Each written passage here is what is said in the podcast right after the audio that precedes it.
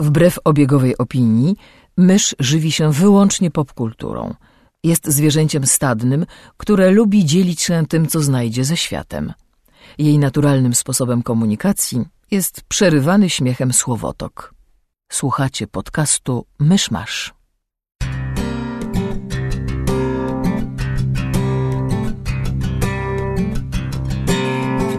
Gospodarzami podcastu Myszmasz są Krzysiek Ceran, redaktor portalu Avalon. Kamil Borek ze studia Kobart. i Mysz, autorka bloga Mysza Mówi. Drodzy słuchacze, serdecznie witam Was 24 lutego w 129. rocznicę urodzin Witkacego.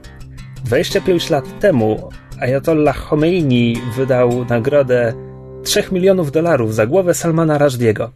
To jest ta różnica między fanem a fanatykiem, bo mi na przykład wystarczyłby autograf. Ale co kto lubi? Oto 45. odcinek podcastu Myszmasz. Uga czaka, uga, uga, uga czaka, uga, uga, uga czaka, uga, uga, uga. Nie? Nie śpiewamy. Jak, jak chcesz. Ja przepraszam, ale to jest teraz piosenka, że tak powiem, piosenka internetu i wszyscy chodzą i ją śpiewają. Więc mi też się zalęgło w mózgu. Ciekawe ile Tantium Hasselhoff dostanie. To nie jest piosenka Hasselhoffa w oryginale. No ale chyba w zwiastunie jest... Nie, Bruce Wade. Tak? Aha. Tak. To jest ta sama e, wersja, która jest wykorzystana i w Ali McBeal i w e, Reservoir Dogs bodajże. To jest ta najbardziej popularna. Fascynujące. A jakby słuchacze nie wiedzieli, o czym mówimy, to mówimy o trailerze The Guardians of the Galaxy. Tak, który jest świetny. Ja się nie mogę doczekać na ten film. Tak, ja też. Tak jak wcześniej miałam wątpliwości co do jakby zalążka, znaczy po, pomysłu fabularnego, w sensie w ogóle Guardians of the Galaxy wydawało mi się idiotyczną grupą, jakby super bohaterską. Tak samo miałam wątpliwości co do... cicho! ale tak samo, fantastyczny komiks. Cicho! Tak samo miałam wątpliwości do ten, do, do reżysera, bo jakby, znaczy on jest znany z takiego bardzo właśnie fajnego, luźnego, dowcipnego podejścia jakby w ogóle do kręcenia filmów, ale bałam się, czy, czy właśnie Marvel będzie w stanie sprzedać tego typu bardzo lekki film, ale patrząc na trailer jak Ale najbardziej. przecież oni sami, same bardzo lekkie filmy robią. Ale mam wrażenie, że Guardians są tak jeszcze bardziej jakby naginają te granice. E, I miałam bardzo duże wątpliwości, chyba zresztą rozmawialiśmy kiedyś o tym w, w podcaście do e, Chrisa Prata, który został zatrudniony do, do głównej roli tego tam Star-Lorda. Ja wciąż mam. E, A ja muszę powiedzieć, że jakoś tak obejrzałam ten trailer, stwierdziłam, że Jezu, jaki on jest głupi, ale w taki fajny sposób. Znaczy, mam wrażenie, że jego Star-Lord będzie, to, to będzie jedna z tych postaci, które są tak, tak, tak lamersko głupie, że aż urocze. Jest po prostu, to, to jest koleś, którego, którego kompletnie nie obchodzi to, czy on jest zabawny i czy on robi na ludziach wrażenie. On po prostu idzie swoim torem i, i robi to, co robi. Nie, naprawdę, naprawdę jestem w ciężkim szoku, jak bardzo mi się ten trailer podoba i oglądam go przynajmniej trzy razy na dobę. Robię sobie powtórkę, bo naprawdę jest fajnie zrobiony. No. Jakbyś chciała sobie zrobić odwyk, to zacznij go oglądać z polskim dubbingiem, to ci przejdzie. Widziałam, tak, widziałam, widziałam, widziałam. Wcale nie był tak zły, jak myślałam, że będzie. Znaczy, umówmy się, że był zły, zwłaszcza głos Starlorda, ale z tego co wiem, zwiastuny są dubbingowane na szybko i przez innych ludzi, którzy, niż ci, których potem do Zazwyczaj, chociaż nie zawsze. angażują. Niektóry, niektórzy ak- aktorzy jakby potem z, te, ci, którzy byli w, w trailerze, potrafią się też pojawić w filmie, ale nie zawsze. Na szczęście właśnie masz rację, większość dubbingów e, trailerów jest robiona na szybko i nie ma nic wspólnego z, potem z filmem. No, Mam nadzieję, że ktokolwiek dubbinguje Starlorda nie będzie tego robił w, fil- w filmie, a przynajmniej nie będzie tego robił tak jakby, wiesz, podszywając się pod Cezarego Pazurę, bo nie, nie o to chodzi chyba Mm. w tej postaci. Mnie, mnie bardziej zastanawia, jak będzie brzmiał ten. Oczywiście nie mogę się doczekać Cezarego Pazury w roli Shopa Rocketa, bo to na pewno No właśnie- się zdarzy. Chciałam, chciałam powiedzieć, że ja się nie mogę doczekać, jak będzie ten Rocket Raccoon brzmiał w, w wersji angielskiej, bo podkłada mu głos, z tego co wiem, Bradley Cooper. Jest p- półminutowa zajawka, w której Wiem. można jedno zdanie Tak, usłyszeć. dzi- dzisiaj w pracy widziałam, ale niestety w pracy nie mogłam włączyć głośników, więc nie mogłam, nie mogłam usłyszeć, ale bardzo nie ciekawa, pasuje to mi, ale to jest jedno zdanie, więc w filmie pewnie się przyzwyczaję szybko. Tak, i jeszcze będzie ten Vin Diesel mówiący na zmianę, co to jest, dwa słowa czy dwa zdania, jako Groot? Dwa słowa G- chyba. Znaczy to zależy, on zazwyczaj mówi I am Groot, ale to zależy od wersji, bo wcześniej mówił zupełnie normalnie i zupełnie bez wyjaśnienia. Scenarzysta sobie wymyślił, że teraz będzie taka. E, wciąż najbardziej martwię się o Draxa Niszczyciela, bo Dave Batista jest przede wszystkim zapaśnikiem, po drugie celebrytą, Po trzecie, prawdopodobnie lubi kucyki, a aktorem jest gdzieś na dwudziestym którymś miejscu w tym zestawieniu jego cech charakteru.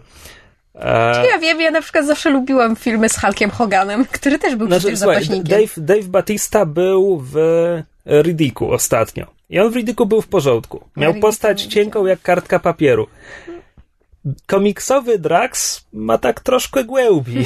Zobaczymy, jaki będzie ekranowy Drax. Znaczy, tam, tam słyszałam, że tam rodziny mu wybili i on teraz to, je, to nie ma wiele wspólnego Aha. z jego komiksowym originem, który jest tak poploutany, że ja go nie rozumiem, więc... E... A dzisiaj trafiłam w internecie na bardzo, bardzo e, ładne wytłumaczenie, e, jakie były początki Rocket Raccoona, no bo to jest tak, że on był normalnym, prawda, tam Shopem Praczem i potem przeprowadzili on na też nim ma pięć różnych originów. No ale słyszałam, że w filmie ma, ma być tak, że on był tam normalnym zwierzątkiem, po czym przeprowadzili na nim jakieś straszne e, operacje i w ogóle zmutowali go i ma tam jakieś neuroprzekaźniki i coś jeszcze.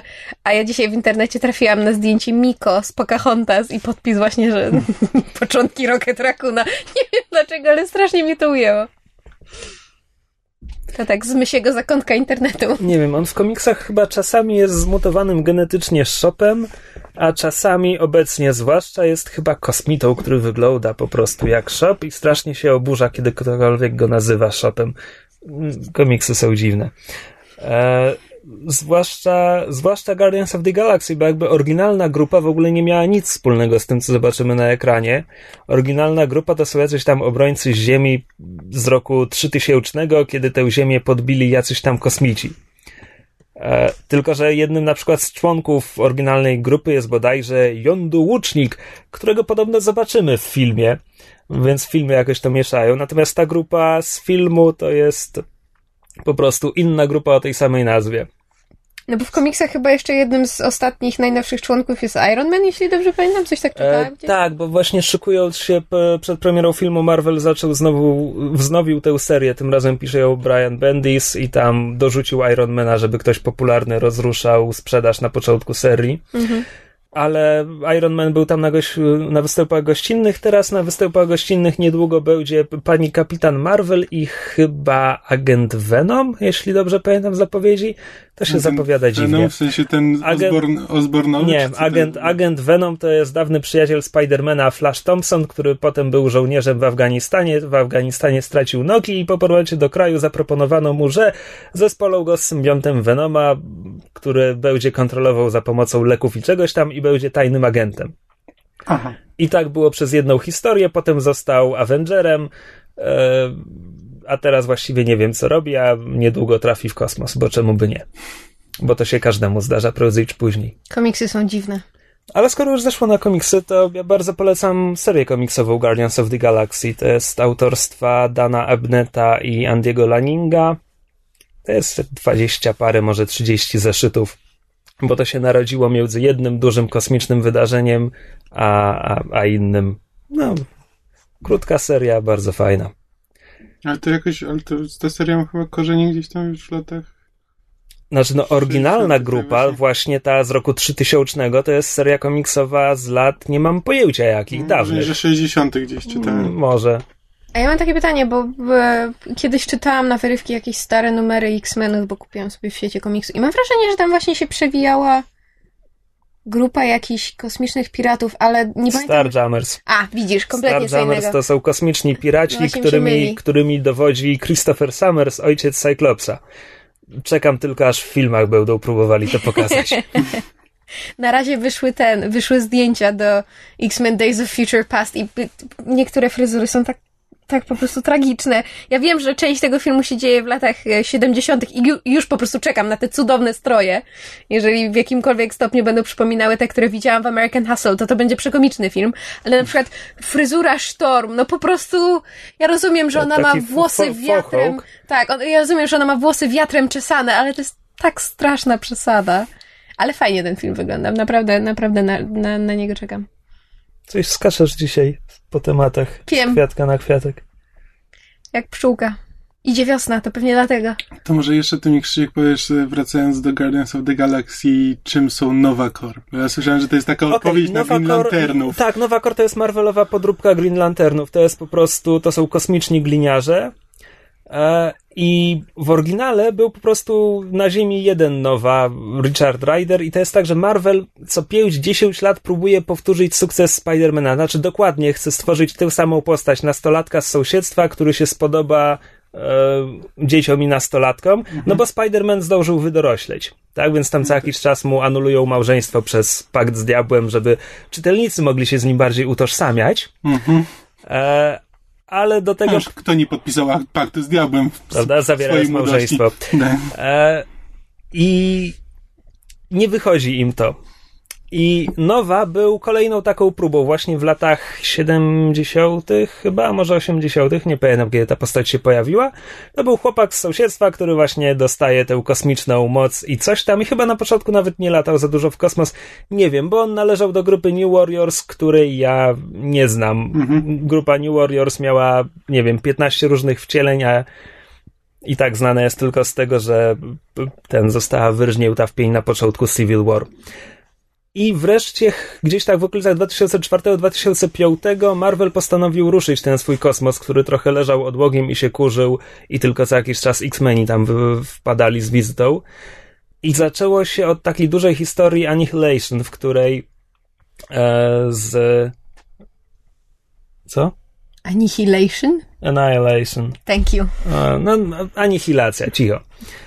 E, w której kosmos Marvela został zaatakowany przez Anihilusa, to jest przeciwnik fantastycznej czwórki, głęboko z lat 60., taki duży robal e, z, z innego wymiaru. I w, na początku tej wojny właśnie Nowa Kor zostają wyrżnięci w pień i tylko ten, ten ziemski Richard Rider przeżywa. I w tej historii dostaje, dostaje duży power up, wyrasta na mężczyznę, w pewnym momencie jest niemal jak ten tam, no, e, John Connor, przywódca ruchu oporu, mhm. zarobił też bliznę przez oko, żeby fajniej wyglądać, potem zniknęła, bo rysownicy zapomnieli. E, I w tej historii właśnie on spotyka, e, poznaje Star-Lorda który na tym etapie historii już nie jest w sumie aktywnym Starlordem, po prostu jest człowiekiem zagubionym w kosmosie. E, I to było Annihilation. I krótko później był sequel, bo, bo to był sukces i to się sprzedało. I właśnie po Annihilation Nowa dostał znowu swoją serię solową po raz pierwszy od iluś lat. Właśnie na zasadzie ostatni sprawiedliwy glina w kosmosie. Mniej więcej, w uproszczeniu. I to było bardzo fajne. To było właśnie pisane przez tego. Ale on ma jakąś moc, czy. Tak, tak, tak. To um, jakaś manipulacja grawitacją, nie pytaj. Mhm. Wali energią i tworzy energetyczne pola ochronne w uproszczeniu. I to jest też tak, że to jest moc e, nie, nie jego, tylko tego całego korpusu, więc normalnie jak korpus ma tysiące członków, to ta moc się dzieli na nich wszystkich, a jak on został ostatnim, to to dzierży całą tę moc. Aha. No. E, I to właśnie było pisane przez tego Abneta i Lanninga i potem był, ane, żeby mysz się nie czepiała, Annihilation Conquest, e, która była no o tyle sequelem, że to była kolejna wielka wojna w kosmosie. E, I przy, przy okazji tych miniserii tam właśnie promowano pewnych kosmicznych bohaterów. Oni dostawali swoje miniserie. I jednym z nich był właśnie Star-Lord, który na tym etapie historii z jakiegoś powodu siedzi w więzieniu jednej z raz biorących udział w tej wojnie e, i zostaje z tego więzienia wypuszczony. I to była, to była parszywa dwunastka, tylko ograniczona mniej więcej do sześciu. Dostaje mm. właśnie kilku innych szaleńców z więzienia, w tym właśnie Gruta, Roketa, plus parę, pra, parę innych postaci. I mają wykonać jakieś tam zadanie. Kompletnie nie pamiętam, co to było. To była bardzo fajna miniseria mimo wszystko. Mój pierwszy kontakt z postacią. I ona też się sprzedała na tyle, że po tym właśnie wydarzeniu, po Annihilation Conquest, dostali własną serię. Guardians of the Galaxy, tam wolumin, nie wiem, drugi czy trzeci, a, która była bardzo fajna. I właśnie tam mieliśmy Starlorda, Rocketa, Gruta, Draxa, Gamorę, oraz Adama Warlocka, który jest kosmicznym mesjaszem i pewnie jeszcze chwilę potrwa, zanim go zobaczymy na ekranie. Bo to tak, to była Marvelowa odpowiedź na Chrystusa mniej więcej, tylko pisana przez człowieka, który się odwrócił od zorganizowanej religii. Brzmi trochę tak, jakby DC stworzyło w postaci Jezusa. E, tylko właśnie autor odwrócił się od zorganizowanej religii, więc potem na przykład Adam Warlock walczył z e, kosmicznym kościołem uniwersalnej prawdy, wiesz, metafora. Oczywiście, że tak. E, I Mantis.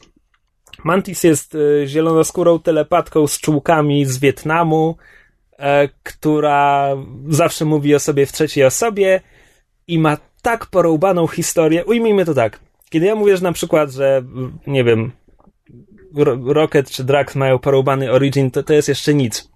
Mantis ma tak porąbaną historię, że przewinęła się przez trzy wydawnictwa. Ona debiutowała w Marvelu, potem razem z autorem wyszła gdzieś, tylko pod zmienionym imieniem.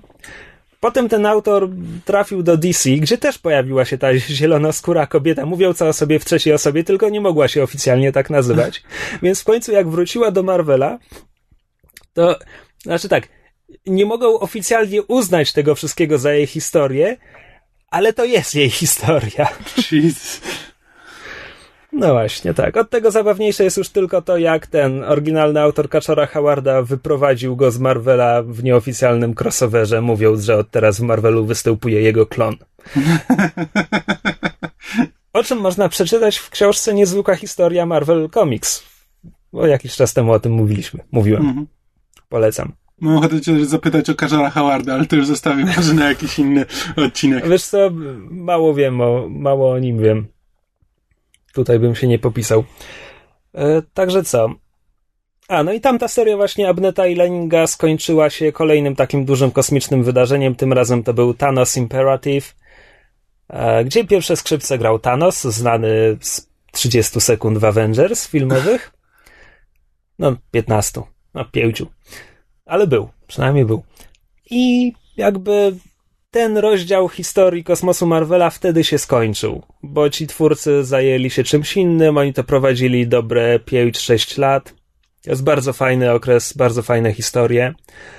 E, I Marvel tak nie do końca wiedział, co z tym zrobić. Jakby była, była już ta grupa fanów, którzy to lubili, więc wiedzieli, że coś im muszą dać, ale tak się do tego trochę dziwnie zabrali, bo na przykład pojawił się nowy Nowa, który jest kolejną podróbką Petera Parkera, bo teraz dla odmiany jest dwunastolatkiem, nazywa się Sam Alexander i co jeszcze, i, i był już w kreskówkach o Spider-Manie.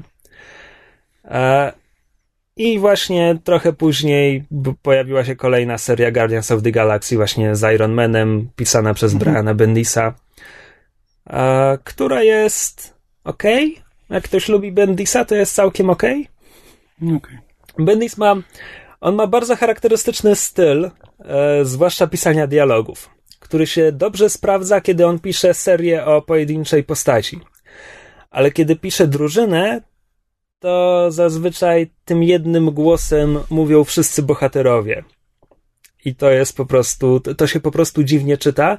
Do tego Bendis ma w zwyczaju ignorować to, jak jakąś postać pisali inni autorzy do tego stopnia, że jak mówiłem o Mantis, która jakby cecha charakterystyczna, Mantis mówi o sobie w trzeciej osobie, Mantis pojawia się w jednym zeszycie u Bendisa, nie robi tego. Bo czemu? Mniejsza o to, że robiła to zawsze w każdym swoim występie. No. To tak w dużym skrócie. Tak. To może już wystarczy o tym zwiastunie. Tak, to skoro już nasi niekomiksowi słuchacze wyglądają mniej więcej jak szkielet w falaucie, gdzieś tam w piachu zakopani, e, już ich wytraciliśmy gdzieś tak 10 minut temu. To jeszcze niech się nie wygrzebują, bo ja mam coś o, tym, o komiksie. Dobra. E, było o filmie z gadającym shopem, to teraz będzie o komiksie z e, tym królikiem samurajem. Egmont wydał następny album Usagiego Yojimbo. To jest księga 27, nazywa się Miasto zwane piekłem. Ach, I co mogę o tym powiedzieć? E, z Usagim jest trochę jak z Jamesem Bondem, to znaczy filmy o Bondzie składają się z takich standardów, wiadomo, ten zły ma jakąś fizyczną cechę, która go wyróżnia z tłumu, czy to będzie blizna przez oko, czy łysina, czy krwawe łzy. Bond w pewnym momencie zostaje przez niego złapany, pewnie uwalnia go piękna dziewczyna złego, która zakochuje się w Bondzie, gdzieś tam po drodze mod mu wysadza w bazę, no standardy mhm. i tylko pytanie brzmi, jak w tym kolejnym filmie te standardy zostaną rozegrane. Po 27 tonach z Osagi Miojimbo jest już trochę Tonach. podobnie. Tonach? Tomach. Tonach. 27 Dużo ton. tych komiksów. No, nie wiem jaki jest nakład, ale pewnie by się zebrało. Z Osagi Miojimbo jest już trochę podobnie. Bo tak, tytułowa historia, e, miasto zwane piekłem, jest targane walką dwóch gangów, dwóch szefów gangów walczy o kontrolę nad miastem i Usagi trafia w środek tego konfliktu. Jeśli brzmi wam to znajomo, to może dlatego, że Akira Kurosawa nakręcił film o takiej samej historii, nazywał się Yojimbo. Może dlatego, że Usagi już wpadał w dokładnie taką samą sytuację. Bo w takie sytuacje Z- bardzo łatwo razy. się wpada, zwłaszcza, że tak powiem, na japońskiej prowincji. Przy czym jedna z tych poprzednich historii to był właśnie Stan Sakai przerabiający Yojimbo Kurosawy na, rozpisanego na ten królika i nosorożca. E, no, jak, pytanie po prostu brzmi, jak to wypada tym razem? Tym razem wypada to trochę inaczej. E, tak historia nie zajmuje całego tomu, są tam również krótsze historyjki, też takie dość standardowe, to znaczy od Usagi mm, jest u miłych ludzi, zatrzymuje się u nich na noc i dowiaduje się czegoś o ich życiu, w innej historii spotyka jakiegoś ducha. To wszystko już było, ale nie do końca w ten sam sposób jak tutaj. I tutaj znowu Sakai rozgrywa to ładnie, to jest bardzo przyjemny tom.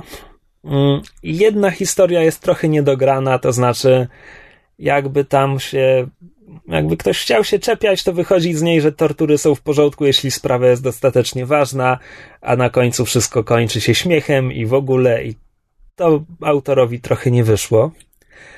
E, Ale to jest dobry album, jeśli ktoś na przykład po tym, jak mówiłem o Usagim poprzednim razem, kiedy to było pół roku temu, jeśli ktoś pomyślał, że to w sumie brzmi ciekawie, ale te 26 tomów brzmi strasznie, to to jest znakomity tom na początek, bo to jest, to jest zamknięta historia. Tutaj nie ma, Usagi nie spotyka żadnych starych znajomych, nie ma mowy o wątkach, które się ciągną od kilku tomów. To jest po prostu kilka historii z życia Usagiego.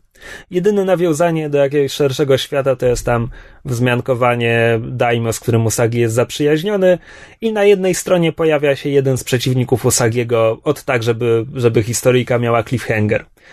Z, z czym się nic nie dzieje w tym tomie. Po prostu przypomnienie, że on tam gdzieś chodzi po Japonii, grasuje i ciemięży.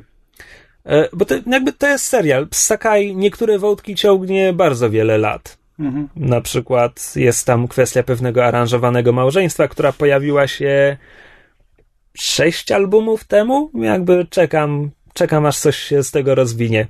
Na razie się nie doczekałem. Ale tak. Usagi Yojimbo, miasto zwane piekłem, to kolejny bardzo przyjemny tom bardzo dobrej serii. Ja w tym tygodniu wybrałem się na Robocopa, bo jakoś ciekawił mnie ten film. Byłem strasznie ciekaw, co oni, co oni z nim zrobili. Nie jestem jakimś wielkim fanem oryginalnego, e, ale coś mi, coś mi podpowiadało, że może, może jednak warto ten film zobaczyć z jakiegoś powodu, choć sam nie wiedziałem z jakiego. Ja czuję pewną sympatię do oryginału, natomiast e, zwiastun remake'u mnie nastawił tak negatywnie do siebie, Mm. że pomimo tego, że słyszałem już dobre rzeczy o nim, wciąż. No, no nie wiem, zwiastun był tak zły, że uważam, że marketingowców nie można nagradzać idąc na film. Więc film rzeczywiście. Film jedzie na obsadzie głównie. Mam wrażenie, że ten sam film z innymi aktorami mógłby być dużo, dużo gorszy. A obsadę ma bardzo fajną, bo nie licząc e, aktora grającego rolę tytułową, o którym nigdy w życiu nie słyszałem, to jest tam co Gary Oldman, Michael Keaton, Samuel L. Jackson. Nie pamiętam, Jennifer L. Eile R. jakoś tak się nazywa, która wygląda jak Nicole Kidman z Demobilu. E, Ja ten żart słyszałam już wczoraj, jak Kamil wrócił z kina, więc mnie to nie śmieszy. Nie, po prostu patrzyłem na nią i miałem wrażenie, że widzę Nicole Kidman, tylko że nie do końca. Nie, coś, coś, coś mam w twarzy, co mi ją przypominało. A jak się nazywa ten grający Robocopa? E, ten grający Robocopa nazywa się Joel Kinnaman. On jest bodajże Szwedem, czyli jakimś tam Skandynawem i grał właśnie, w, e, grał w Szwecji w filmach. Ja tam sprawdzałem jego profil na IMDb tak pobieżnie i miał tam sporo różnych szwedzkich filmów. E, I muszę powiedzieć, że o ile to nie, nie stanie się moim ulubionym aktorem po tym filmie, to mam wrażenie, że warto go obserwować. I mam wrażenie, że ma szansę, że jeśli by na przykład trafił do jakiegoś HBO czy do innej płatnej telewizji, to ma szansę sobie wyrobić e, jakąś kultową rolę e, w Jak jakimś serialu. Nikolaj Koster-Waldau? Coś w tym stylu, tak. E, właśnie, że jakaś, jakąś taką charakterystyczną postać, która jakby stanie jego spuścizną. Bo naprawdę e, tego Robocopa udźwignął bardzo fajnie. Znaczy rzeczywiście zarówno jako Alex Murphy gliniarz i zarówno potem jako Robocop wypada naprawdę, naprawdę wiarygodnie i, i jest interesujący przez cały czas, mimo że jakby Robocop jest trochę niewdzięczną rolą, bo no jednak przez połowę filmu jest e, przynajmniej choć trochę wypłaszczony emocjonalnie, więc e, Ej, jeżeli Karol Urban sobie poradził z zagraniem Dreda, biorąc pod uwagę, że przez cały czas jest w kasku i widać tylko i wyłącznie jego usta i kawałek nosa, to John Kinnaman Tak. też na pewno sobie poradził. Tak, znaczy jakby tak, w tym filmie zdecydowanie, zdecydowanie więcej widać e, twarzy Robocopa, o ile w oryginale to widać tylko na początku e, i No jednak i w Robocop finale zdejmuje maskę. Tak, znaczy w finale przed, chodzi. przed ostateczną strzelaniną. Chodzi w masce, tak. To tutaj jednak, tutaj co go pokazują ten, co, regularnie, co jakiś czas. I zaczyna się to bardzo fajnie. Pierwsze, pierwsza połowa filmu jakby daje taką obietnicę, że może być może być interesujący i że nie jest to tylko i wyłącznie film akcji, tylko że e, starają się zadawać jakieś pytania. Tylko, że zupełnie na nie odpowiadają i potem w drugiej połowie zupełnie o tym zapominają i robi się, robi się film akcji. Więc tak, film jest troszkę tak mi to człowiek, mi maszyna nie wiadomo, nie wiadomo jak to odbierać. E, Więc pod tym względem tak troszkę, troszkę słabo to wypada. No tak, tak, tak jak wspominałem, to opiera się na bohaterach, bo rzeczywiście jakby relacje właśnie postaci Gary Goldmana, który gra tam naukowca, który właśnie stworzył Robocopa i jakby właśnie jego relacje z, y, z jego stworzeniem, że tak powiem, są, są interesujące. E, Michael Keaton też tak też z, On za- złego biznesmena, prawda? tak, i zaczyna się fajnie, bo na początku jeszcze to nie jest taki ko- kompletnie zły. Zaczynamy od tego, że jesteśmy w stanie zrozumieć jego motywację. Przy czym, no, zanim dojdziemy do finału, to on się już zmienia w kreskówkowego e, Łotra i, e, i robi się zupełnie nieciekawy. E, ale na początku, na początku jest naprawdę fajny i Michael, Michael Keaton też ma coś do, wiesz, coś do zagrania przynajmniej. No i niestety element satyry politycznej w nowym ro Robocopie ogranicza się do tych segmentów e, programu telewizyjnego Samuela L. Jacksona, które, jest, które są de facto parodią e, The O'Reilly Factor, czyli z prawicowego programu publicystycznego na stacji Fox News, e, bardzo słynnego.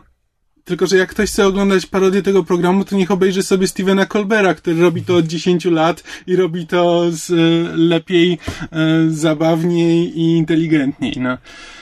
Więc to e, po prostu mamy, mamy Samuela L. Jacksona jako mm, naro, narodowca, który właśnie uważa, że bezpieczeństwo ponad wszystko i powinniśmy, musimy zaufać korporacjom, bo tylko one są w stanie nas obronić. I, d- i zasadniczo to jest cały przekaz, cały przekaz e, pod tym, na tym poziomie satyry politycznej. Bardzo fajnie wypadają sceny akcji, przynajmniej e, mi się podobają. Choć byłem przez pierwsze, przez pierwszych 15 minut byłem mocno zaniepokojony, bo jak się pojawia pierwsza scena akcji, zanim jeszcze e, Alex Murphy jest Robocopem, to jest tam tyle trzęsącej się kamery, że spokojnie by wystarczyło na nowy film o Bornie. E, wygląda, wygląda tragicznie. E, Potem się uspokaja już jako Robocop, e, już jako Ma Robocop. stabilizację tak, obrazu Najwidoczniej tak. budowaną w hełm. Tak, szczerze, że jest sporo, jest sporo scen z wizjera No Robocopa no. i wygląda jak gra komputerowa momentami. Ale właśnie, ale to fajnie wygląda, bo e, trochę mi się kojarzyło z Guncatą, z Equilibrium. E, s- jakby styl, e, styl walki Robocopa. Znaczy takie bardzo przemyślane, e, przemyślane ruchy, e, takie lekkie, lekkie półobroty, które z, kolejno wykańczają następnych przeciwników. E, wygląda, wygląda to fajnie i potrafi, potrafi robić wrażenie. Choć też jakby film no, nie, nie wychodzi ponad, e, ponad przeciętność. Jakby fajnie się to ogląda, ale też to nie jest coś, czego bym wcześniej nie widział. I tak mówię, wszystkie te części są przeciętne. Jako film akcji jest przeciętny, jako dramat jest przeciętny, jako science fiction bliskiego zasięgu jest przeciętny. Ale mimo wszystko mam wrażenie, że chyba to jest e, e, kwestia obsady. Po prostu tak fajnie mi się oglądało tych aktorów, że ta suma tych części e, jest, jest większa w ogólnym rozrachunku. I bardzo, i zasadniczo wyszedłem z kina zadowolony. Znaczy nie czułem, żebym, żebym zmarnował pieniądze. Dobrze, dobrze się na tym filmie bawiłem. No I jeśli ktoś nie spodziewa się za dużo, to, to może obejrzeć. No, ale też spokojnie może poczekać na DVD, bo to nie jest film, który koniecznie trzeba oglądać w kinie. I to zasadniczo tyle. Mysz z kolei ostatnio przede wszystkim ogląda ten Spartakusa nadal. E, bardzo powoli mi idzie, bo ten e, cały czas coś odwraca moją uwagę. E, a ostatnio moją uwagę odwrócił film, e, na który wpadłam zupełnym przypadkiem, jak to zresztą często bywa. E, mianowicie parę miesięcy temu e, przyuważyłam trailer filmu pod tytułem Grand Piano. E, I kliknęłam, bo tam zobaczyłam, że w obsadzie tam Elijah Wood, John Cusack, obu aktorów lubię, może nie jakoś historycznie, ale, ale z przyjemnością ich oglądam na ekranie. Po czym okazało się, że trailer jest do thrillera o wielkim pianiście, który tam po, po paru latach, po, po nieudanym koncercie, kiedy po prostu zamarzł i nie był w stanie skończyć grania utworu, powraca na, na, na scenę w, w takim wielkim koncercie no i musi zagrać bardzo, bardzo trudny utwór. Przewraca nuty i w pewnym momencie w, w nutach widzi wiadomość, że jeżeli zagrasz jedną nutę źle, to zginiesz. No i się okazuje, że jakiś facet go trzyma na muszce. Tutaj Krzysiek robi zdziwioną minę, Kamil się szyderczo uśmiecha, bo widział ten trailer. To brzmi jak jakiś bardzo dziwny remake telefonu. No właśnie taka była moja myśl, a ponieważ y, y, tata myszy jest y, pianistą, I moja rodzina w ogóle właśnie w, że tak powiem, w muzyce klasycznej siedzi i to są moje rejony, może nie jakoś profesjonalnie, ale e, nie raz i nie dwa siedziałam na sali koncertowej na koncercie fortepianowym, więc było to dla mnie bardzo jakby właśnie ciekawe ujęcie, ujęcie tematu. E, I natychmiast sprawdziłam, kiedy film wychodzi. Okazało się, że tam miał, miał, miał mieć premierę na jakimś festiwalu i, i potem wychodził od razu um, na platformie Video On Demand, więc już coś mnie tknęło, że może nie być wcale tak dobrze, jak ja bym chciała, żeby było. Um, I właśnie ostatnio um, się okazało, że film już jest, więc go sobie obejrzałam. No i rzeczywiście nie jest wcale tak dobrze. to znaczy, e, film zebrał całkiem dobre recenzje, ale to jest film e, w 90 chyba 5% produkcji hiszpańskiej. Hiszpański producent, reżyser, e, scenarzysta bodajże też, cała tam ekipa. Było chyba nawet kręcone w Barcelonie. E, tylko jakby tam główna obsada jest, jest angielska i film jest e, w języku angielskim. Więc wiem, że istnieje coś takiego jak hiszpański horror. To znaczy jest jakby konkretny podgatunek horrorów, które są, są e, robione przez hiszpańskich twórców i jakby to czuć. Mają bardzo specyficzny klimat, który Amerykanie i inne nacje próbują namiętnie naśladować ostatnimi czasy. I mam właśnie wrażenie, że Grand Piano jest e, z kolei hiszpańskim thrillerem Hiszpańskie horrory mają to do siebie, że one są takie bardzo jakby spokojne i operują przede wszystkim nastroje. To nie jest horror, gdzie wyskakuje na ciebie trup z szafy. No i Grand Piano ma bardzo jakby podobne założenia w kwestii thrillera. To znaczy, to jest film, który bardzo subtelnie operuje tym napięciem, tylko tak subtelnie nim operuje, że właściwie go nie ma. To znaczy, przynajmniej ja go nie odczuwałam. E, w przeciwieństwie do właśnie wspomnianego przez Krzyśka e, phone booth, czyli telefon z Colinem Farelem, gdzie jakby też było to, że prawda, ograniczona przestrzeń, ktoś się trzyma na muszce, rozmawia z tobą i prawda, co z tego dalej wynika. W Grand Piano jest podobnie, ten nasz e, pianista siedzi przy fortepianie, znajduje tę wiadomość w nutach, że jeżeli zagrasz jedną złą nutę, to, to cię zabije. Potem z kolei dostaje ten taką do ucha taki, taki malutki komunikatorek, przez który rozmawia z, z tym swoim, nazwijmy go terrorystą, którego gra John Cusack. I film po A prostu... to Elijah Wood gra pianistę? Tak, Elijah Wood gra Nie pianistę. wiem, i- czemu założyłem, że jest odwrotnie. No właśnie, myślałby kto. Elijah Wood jakoś tak Elijah Wood jest- sprawdza w rolach psychopatów. Znaczy nie, Elijah Wood jest, to, to co mnie jakby gryzło, to jest to, że Elijah Wood jest malutki, ma niewielkie dłonie i jak na pianistę to wcale nie taki jakby... Znaczy, to nie jest to, że wszyscy pianiści mają automatycznie długie, szczupłe dłonie o pająkowatych palcach, bo na przykład mój tata nie ma takich dłoni, ale Najlepszym pianistą na świecie jest Dwayne The Rock Johnson. wcale bym się nie zdziwiła, to wiesz. The Rock jest zajebisty, on może wszystko. Nie, ale po prostu Elijah Wood nie wygląda jakby na, na, na, na koncertującego pianistę. Ale spoko. Ćwiczył przez, ćwiczył, ćwiczył przez trzy miesiące, jak, jak się, jak, jak udawać, że się wiarygodnie gra na fortepianie. Nieźle mu to wyszło. E, ale film po prostu właśnie przez to, że stara się być bardzo subtelny i to wszystko rozgrywać w takich e, niewielkimi środkami, przez to po prostu autentycznie nie trzyma w napięciu. Poza tym fabuła w pewnym momencie gwałtownie skręca. Mianowicie, to chyba nie będzie duży spoiler, wątpię, żeby ktokolwiek miał to obejrzeć. ja obejrzałam, e, trudno. E, mianowicie w pewnym momencie fabuła skręca, no bo jakby dlaczego, dlaczego tak temu terroryście zależy na tym, żeby on tak dobrze zagrał, ten pianista. Się okazuje, że e, fortepian, na którym on gra, jest w istocie sekretną skrzynką, znaczy twą skrzynką, skrytką, w której jest ukryty klucz do wielkiej fortuny i on musi zagrać je, jeden konkretny utwór idealnie, bezbłędnie, żeby te trybiki w fortepianie, prawda, zrobiły swoje, żeby otworzyć tę skrytkę. No po prostu jak, jak jakiś kod Da Vinci albo Skarb Narodów, no po prostu debilizm. Kompletny. Ja w tym momencie stwierdziłam, nie, dziękuję, ja już, ja tylko oglądam ten film, żeby posłuchać ładnej muzyki. A muzyka jest bardzo fajna. Tylko nie Brzmi sprawdziłam, to jak kto ją napisał. Kompletny debilizm, ale przy okazji otarłaś się niemalże o zagadkę Zen. Czy zdradzenie zakończenia jest spoilerem, jeśli nikt nie obejrzy? Czy zdradzenie tajemnicy zmie- znaczy ten, czy zdradzenie e, fabuły zmierzchu jest ten, jest e, karygodne, czy absolutnie słuszne? Żeby nikt nigdy nie musiał po to sięgnąć na, na zasadzie chciałbym wiedzieć, jak to się kończy. Nie, nie chciałbyś. Czy spoiler upadający w lesie wydaje dźwięk, nikt go nie słyszał?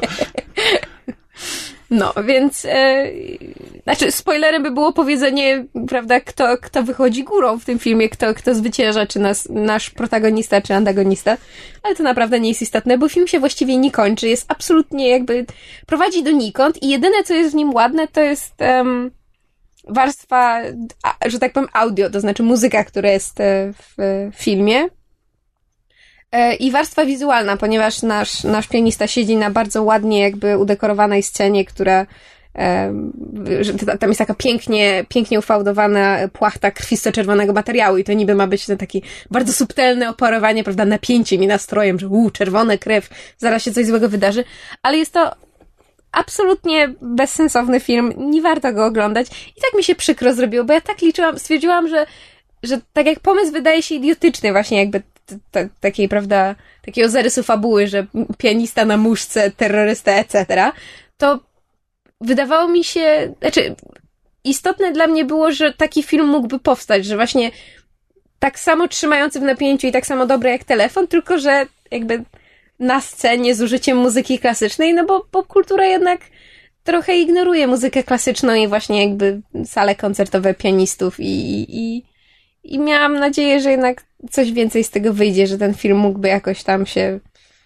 y, w internecie, że tak powiem, rozwinąć i potoczyć i zebrać jakąś widownię, a nie bardzo jest nawet cokolwiek, co, nie bardzo jest co z tego wyciągnąć po prostu. E, taki sobie film. Więc marnowałam dwie godziny.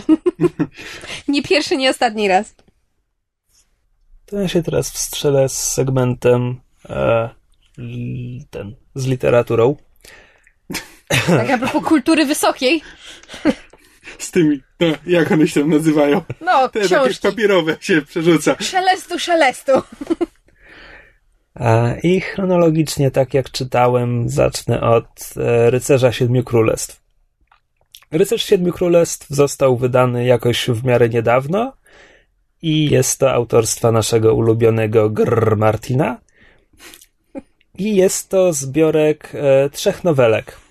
Trzy mini nowele albo maxi opowiadania, każde po sto trochę stron, e, których bohaterami są rycerz e, Ser Duncan Wysoki i jego giermek Jajo. Przepraszam bardzo, czy Sir Duncan wysoki jest bardzo niski, a czy Jajo ma ten głowę pełną włosów? Nie, Nie, to nie jest aż tak wysoki poziom dowcipu, no szkoda. nie. Ser, Ser Duncan Wysoki jest bardzo wysoki, a e, giermek Jajo jest łysy. Cholera, no. A tak liczyłam na jakieś odwrócenie stereotypów. No trudno. Okej, dziękuję. E, Jeszcze nie słyszałem o archetypie postaci Giermka Jajo i rycerza Nie, ale w sensie, Duncana że właśnie Wysokiego. myślałby kto, że... Znaczy, nie raz i nie dwa zdarzyło się tak, że właśnie postać nazywała się na przykład, nie wiem, gruby, albo wysoki, albo kudłaty, a było wręcz przeciwnie, bo na zasadzie, że przydomki nadaje się na zasadzie przeciwieństw. Myślałam, że tutaj jest tak To samo. też jest to jest równie ograne jak... Czy ja już mogę kontynuować? Nie! No dobrze, to ja w tym tygodniu Bardzo śmieszne. E, Giermek Jajo ma tajemnicę. Nie jest to bardzo zaskakująca tajemnica. Znosi jaja. O Jezus Maria. Co czuję, że Krzysiek dzisiaj da mi w zęby. a mi wiają. Na twardo. Nie jest to bardzo zaskakująca tajemnica. Powodzenia. Nie, już się nie da dalej. Kamil, ty to będziesz montował, ja nie wiem, czemu ty się Wiem, śmiejesz. czekaj, zniósł go kondor, To nie? wszystko zostaje, to jest czyste złoto. Wiem, ja ma sekret taki, że zniósł Ja. go kondor. Dobra. Wysoki Nie jest to bardzo zaskakujące. Nie jest to bardzo zaskakująca tajemnica, ale jej ujawnienie mimo wszystko jest punktem zwrotnym w pierwszej noweli, dlatego nie rozumiem, czemu wydawca uznał za stosowne zdradzić tę tajemnicę w blurbie z tyłu okładki.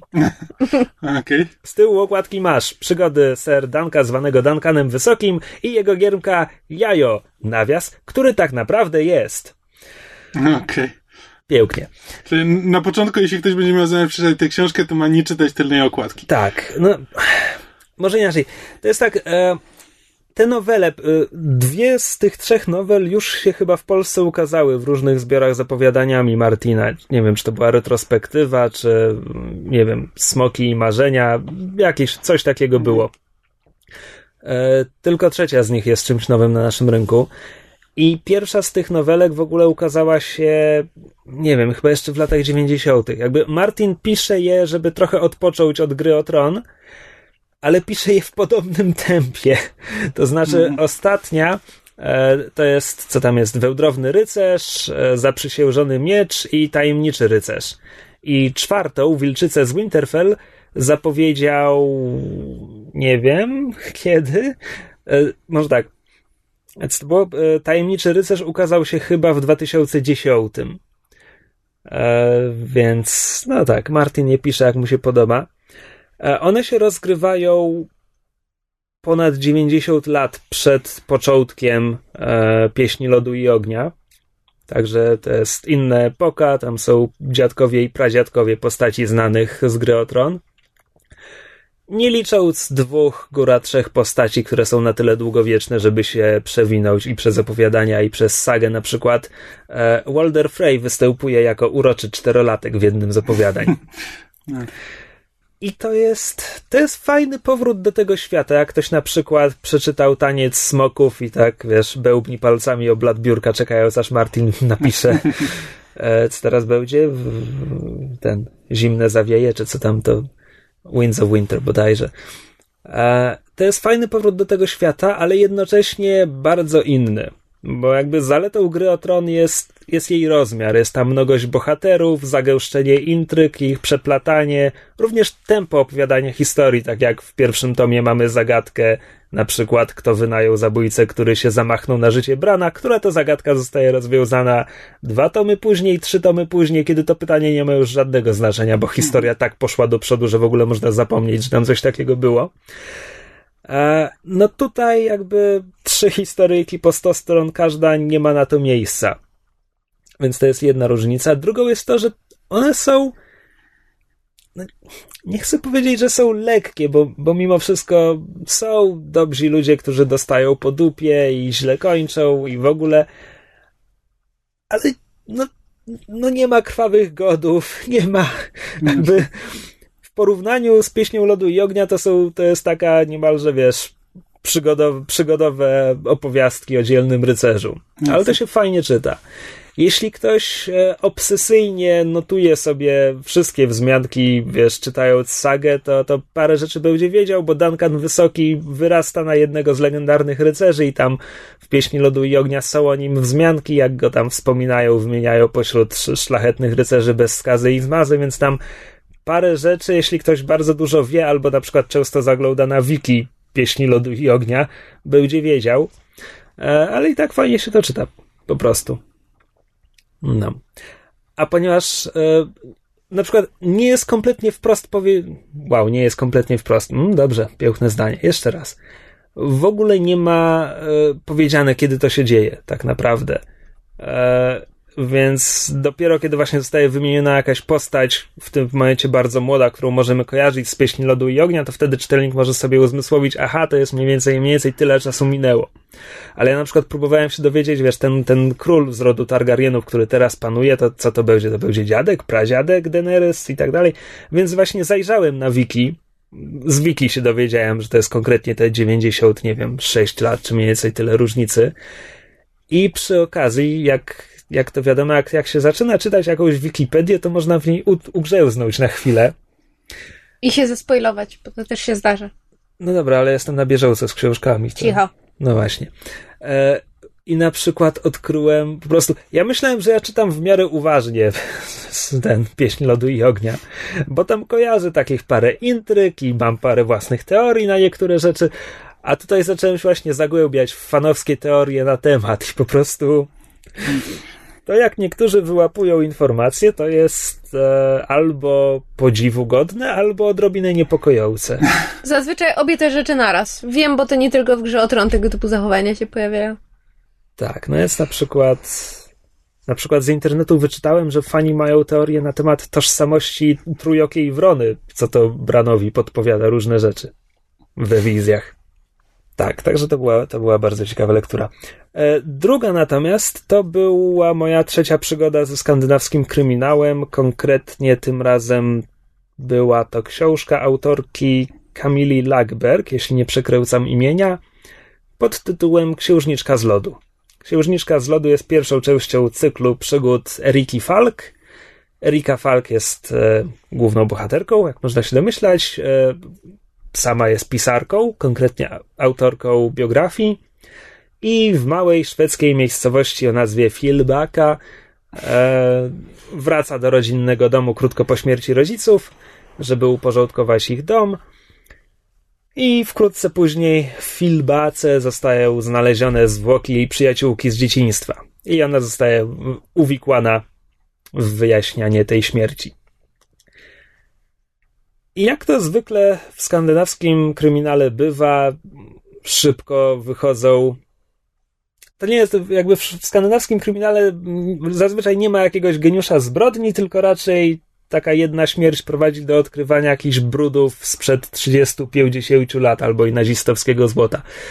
E, więc no tutaj akurat nazistowskiego złota nie ma, ale tak, rzecz dotyczy wyciągania brudów na wierzch i nie było to najlepsze. Nie. Ja nie czytam dużo kryminałów, tak mniej więcej raz na pół roku po coś sięgam. E, I o ile tutaj jakby intryga jest w porządku, może parę rzeczy jest zbyt oczywistych, ale parę rzeczy nie, więc ogólnie po dodaniu wszystkich plusów i minusów wypada to nie najgorzej. Ale tak, postaci kierują się jakimiś przeczuciami, które zupełnie nie wiem skąd się biorą. E, autorka często buduje napięcie na zasadzie. To My zazwyczaj śledzimy e, akcje z perspektywy głównych bohaterów. To jest Erika Falk i jej przyjaciel z dzieciństwa Patrick Holberg, czy jakoś tak, który teraz jest policjantem.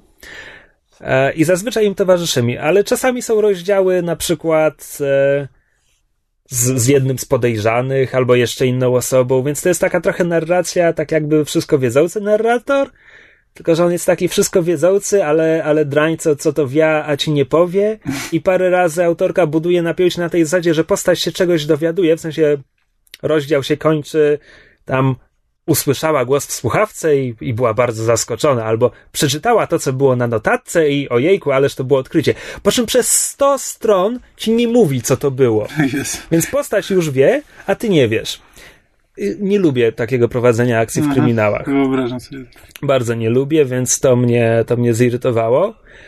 E, a poza tym, poza tym czasami dialogi są niezręczne na zasadzie, wiesz, że postać deklamuje własne przeżycia wewnętrzne i emocje w dialogu z kimś innym. Czasami jest po prostu podręcznikowe błędy w ekspozycji.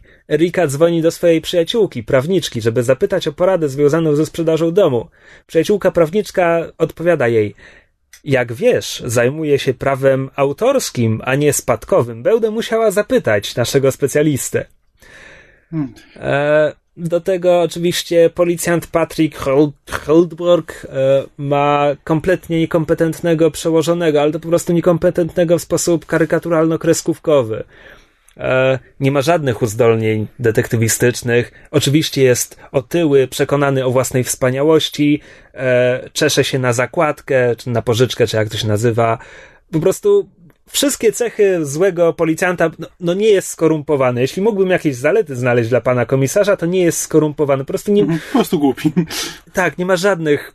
Po prostu wiesz, kon, konstrukcja postaci na podstawie kreskówki, czy Mhm. wiesz, powieści detektywistycznej dla ośmiolatków. Jasne. Także. No ta pani sprzedała 10 milionów egzemplarzy swoich powieści. Może, może robi się lepsza z części na część, ale ja nie zamierzam się przekonywać. Kobieta od 50 twarzy Greya też sprzedała dużo, no ale to... Może coś w tym jest. Tak, także takie były moje boje z literaturą w zeszłym tygodniu. To, to ja może wspomnę, chociaż nie planowałam omawiać tej książki, zanim jej nie skończę, jestem w połowie, ale Kamil powiedział 50 twarzy Greya i mi się tak strasznie skojarzyło, bo książka, którą obecnie naz- e, czytam, nazywa się Shades of Grey. Nie należy jej mylić absolutnie z tym, co pani, jakiej tam E.L. James wyprodukowała. E, Shades of Grey to jest książka Jaspera Forda, pisanego przez 2F. Nie wiem, jak to się po polsku wymawia. Um, część Jasper czytelników... Ford. Ford. Fjord? Fjord. Właśnie też tak, taki był mój pierwszy instynkt. E, Jest to autor serii książek o Thursday Next. Część słuchaczy może kojarzyć. O bohaterce, która przez przypadek trafia do fabuły różnych książek. E, Przepraszam, czy to jest imię bohaterki First Day Next? Tak, tak, to jest imię bohaterki. Już go lubię. Prawda? Właśnie, e, z- zresztą kupiłam e, pierwszy, pierwszy tamtej serii. Jest następny w kolejce. E, I Shades of Grey jest absolutnie niesamowitą, fascynującą książką. Tutaj z, z tyłu Może blurb jeszcze jakieś superlatywy. tak, tutaj blurb y, ten y, głosi, że gdyby George Orwell y, potknął się i wpadł w puszkę farby, albo gdyby Douglas Adams wolał y, kolory od ręczników, to i tak nie stworzyliby tak wspaniałej książki jak Jasper Ford. Co jest Co szalenie intrygujące. No bo Nie zrozumiałem. bo chodzi o nawiązanie do, do, do roku 1000, ile to jest? 1984, 84, tak. Orwella, do właśnie takiej utopijnej, totalitarnej em, e, społeczności, a z kolei Douglas Adams Gdyby jest... Herodot potknął się o Aldusa Huxleya Cio, i poszedł do baru z Orwellem, cio, gdzie przerzucałby się anegdotami z Douglasem Adamsem, cio, a następnie kopnąłby go koń Wyatta Earpa, cio! Psujesz. A z kolei odniesienie do Douglasa Adamsa i do Autostopem przez Galaktykę jest właśnie takim jakby y, specyficznym poczuciem humoru, jakby budowaniem e, bardzo ciekawego świata. Jestem w, nawet nie tyle w połowie, w jednej trzeciej jakby się uprzeć i nadal nie do końca rozumiem o co chodzi. E, Jest to utopijno postapokaliptyczny, futurystyczny świat, gdzie nawet nie jestem w stanie powiedzieć ludzie, bo ja do, nie jestem do końca pewni, pe, pe- pewna, że nasi bohaterowie to ludzie, ale gdzie jakby e, kolektyw, tak nazwany, e, jest podzielony na kolory. O co chodzi? Ludzie, jednostki są podzielone na to, jak widzą kolory, czyli są czerwoni, żółci, niebiescy, czyli trzy tak zwane prime colors, czyli e, barwy podstawowe. tak, barwy podstawowe, no i tam różne mieszanki, wiadomo, tam zielone, fioletowe, etc. No i są różne hierarchie, prawda, kolory właśnie podstawowe są wyżej, najniżej są szarzy, którzy w ogóle nie widzą kolorów. I co jest na przykład ciekawe, e, cały świat jest szary, znaczy inaczej, cały świat jest kolorowy, ale dana osoba, na przykład czerwony, widzi tylko i wyłącznie czerwone naturalne barwy. Czyli na przykład patrzy na, na, na krajobraz i nie widzi, że to jest zielone, że niebo jest błękitne. Nie, będzie widziało szarość i tylko te elementy krajobrazu, które mają jakieś tam czerwone odcienie lub czerwoną barwę. To jest świetny pomysł na książkę, bo nic tak nie oddaje kolorów jak literatura. Właśnie wydawałoby się, że to jest, że, że to jest dziwne, ale strasznie fajnie się to czyta. Jeszcze jest, e, na przykład jest kwestia tego, że e, świat jest sztucznie barwiony, jest, e, są kolory tak zwane univisual, czyli powszechnie widziane. I na przykład są sztucznie barwione ogrody, czyli wtedy, jak jest zabarwione, prawda, trawa na zielono, kwiaty na fioletowo, jakieś tam inne na niebiesko, to dana jednostka, nieważne od tego, jaki kolor widzi normalnie, to te powszechnie widziane kolory jest w stanie zobaczyć. Ale są też tak totalnie od czapy elementy, na przykład, że e, wydarzyło się coś, autentycznie w książce jest, że something happened, pisane wielkimi literami. Something happened. Nie wiemy co, ale coś się wydarzyło, co sprawiło, że świat stał się taki, a nie inny. E, I na przykład e, zniknęły wszystkie łyżki posiadanie łyżki jest po prostu wielkim przywilejem. Łyżki są grawerowane imieniem i nazwiskiem, żeby nie, nie, nie zgubiły się, przekazywane są z pokolenia na pokolenie. Posiadanie łyżki jest wielkim zaszczytem. Nie wiadomo dlaczego, po prostu dlatego. E, zamiast e, alkoholu jest e, e zażywanie kolorów, głównie zielonych.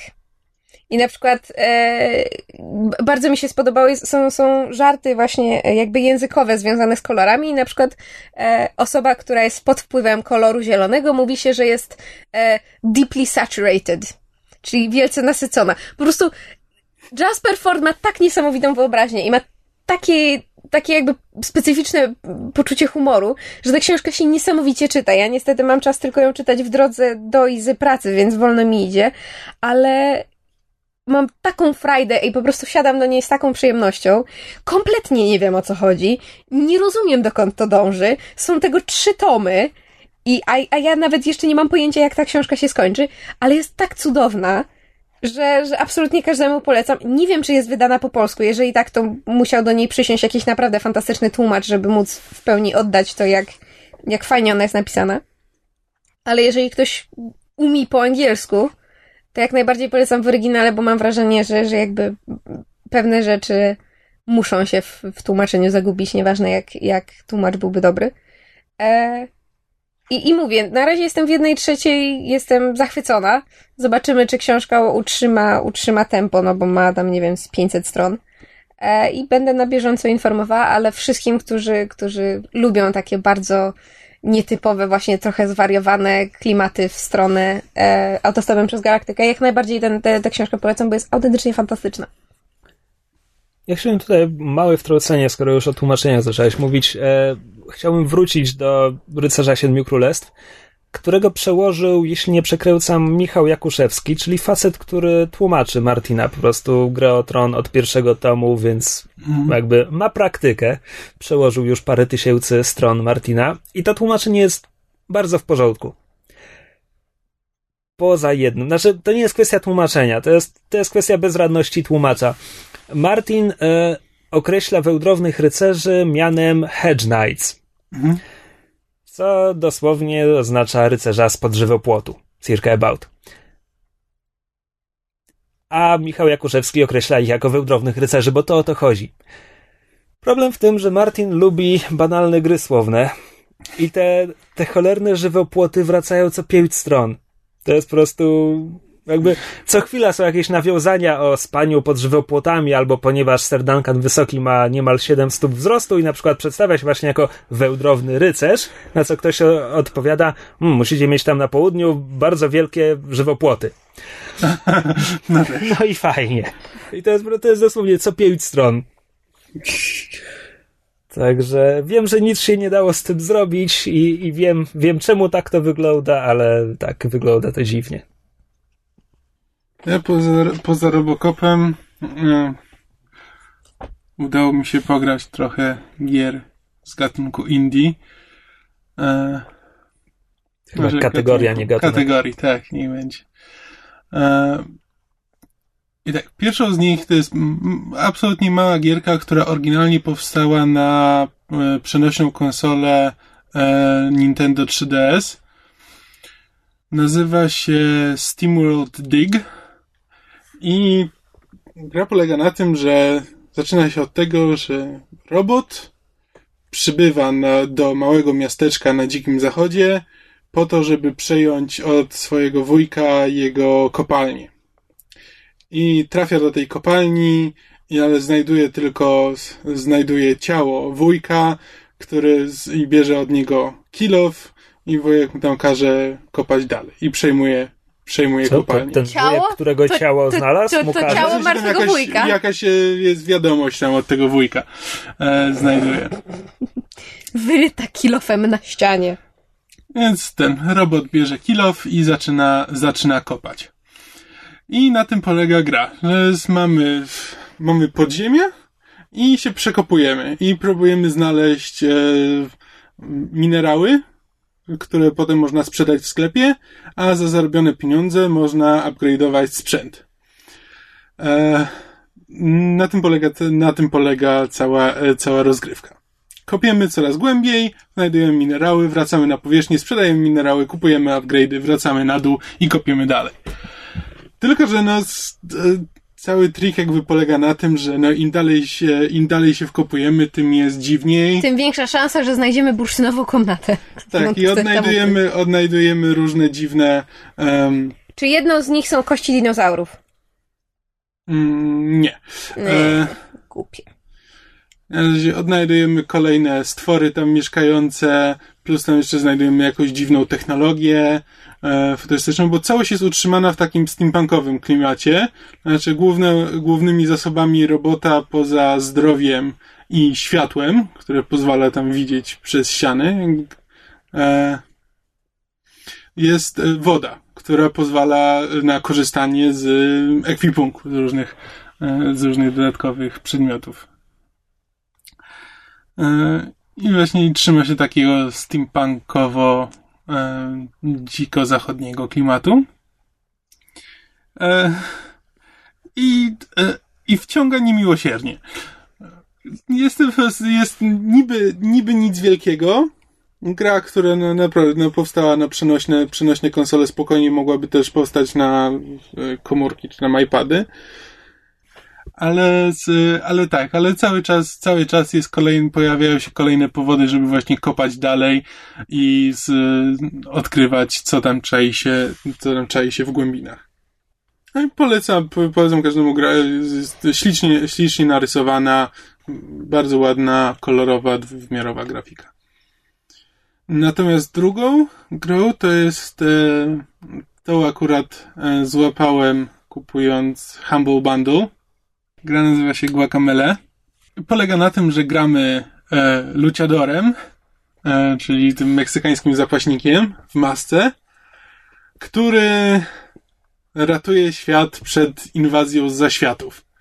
Wszystko jest utrzymane w klimatach właśnie meksykańskiego e, święta zmarłych, bardzo kolorowych e, szkieletów, które na przykład można, jeśli ktoś grał w Grim Fandango, to wie o jakie klimaty chodzi. I na naszej drodze są kolejne, kolejne coraz to głupsze postacie. Cała gra jest absolutnie zwariowana. Ale, w- ale w bardzo pozytywny sposób. Ale to jest, co to jest? To, jest, side-scroller? Czy... To jest e, tak zwane Metroidvania. To znaczy zręcznościówka, e, pla, znaczy platformówka 2D, w której tam z, znajdujemy kolejne, kolejne moce, pozwalają nam się dostawać do kolejnych e, obszarów, które wcześniej były zamknięte. Pojawia się e, szkielet Kalaka, który, e, który próbuje podbić e, świat żywych, przy okazji porywa dziewczynę naszego luchadora i trzeba ją ratować. Gra też wielokrotnie nawiązuje do klasycznych, klasycznych platformówek Mario, Wario i tego typu różne inne, inne rzeczy. Ma prześliczną muzykę, prześliczną grafikę, bardzo, bardzo charakterystyczną. Znaczy jest też taka kolorowa, ale to nie jest taki, to nie jest typowa rysowana grafika. Znaczy rzeczywiście wygląda, e, wygląda jak, nie wiem, jak namalowana na kartce. Trochę, e, trochę jak kreskówki Tartakowskiego, tylko bez tak wyraźnych konturów. Gra polega głównie na tym, że e, trzeba się, trzeba opanować kolejne, kolejne zdobywane ciosy, które po pierwsze pomagają w walce, a po drugie są potrzebne, żeby nawigować w terenie. Znaczy, jeśli mamy cios na przykład e, z uppercut, czyli tej, z haka, który wybija postać, to on jest też potrzebny, żeby się dostać e, gdzieś wyżej wielokrotnie. I trzeba, e, i trzeba jakby opanować, praktycznie nie widzę możliwości, żeby dało się w tę grę grać na klawiaturze. Bo są kombinacje klawiszy, które trzeba opanować i jakby z, wzory ruchów, które trzeba mieć, mieć opanowane i szybko dosyć, e, szybko dosyć nimi, e, nimi operować, e, byłyby absolutnie nie do przełożenia na klawiaturę. Można w to grać tak naprawdę tylko i wyłącznie na padzie. Tu od razu, od razu ostrzegam. Ale, ale tak, jakby gra właśnie z takich, wymaga, żeby się dostać z punktu A do punktu B, trzeba zazwyczaj spróbować pięć, pięć razy i za którymś w końcu, za którymś w końcu się uda. W konstrukcji jest to trochę oldschoolowe, że trzeba, to nie jest gra, to nie jest gra z gatunku, gdzie można za pierwszym razem spokojnie przejść, e, e, przejść wszystko, tylko trzeba podchodzić do niektórych walk, trzeba podchodzić po kilka razy, do niektórych, e, do niektórych platform tak samo. Ale też nigdy nie, nie do tego stopnia, żeby to się stało denerwujące.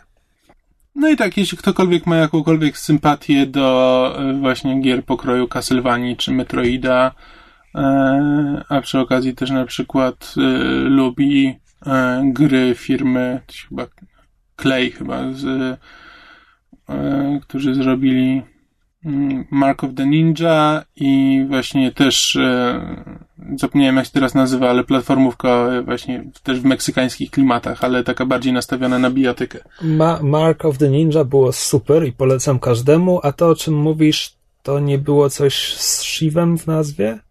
Chyba Shift po prostu się nazywało. E, ale tak, no w każdym razie taka bijaty, bijatyka meksykańska i to jest właśnie gdzieś tak, gdzieś tak pomiędzy tymi dwoma właśnie, gdzieś pomiędzy Shivem a Castlevanią.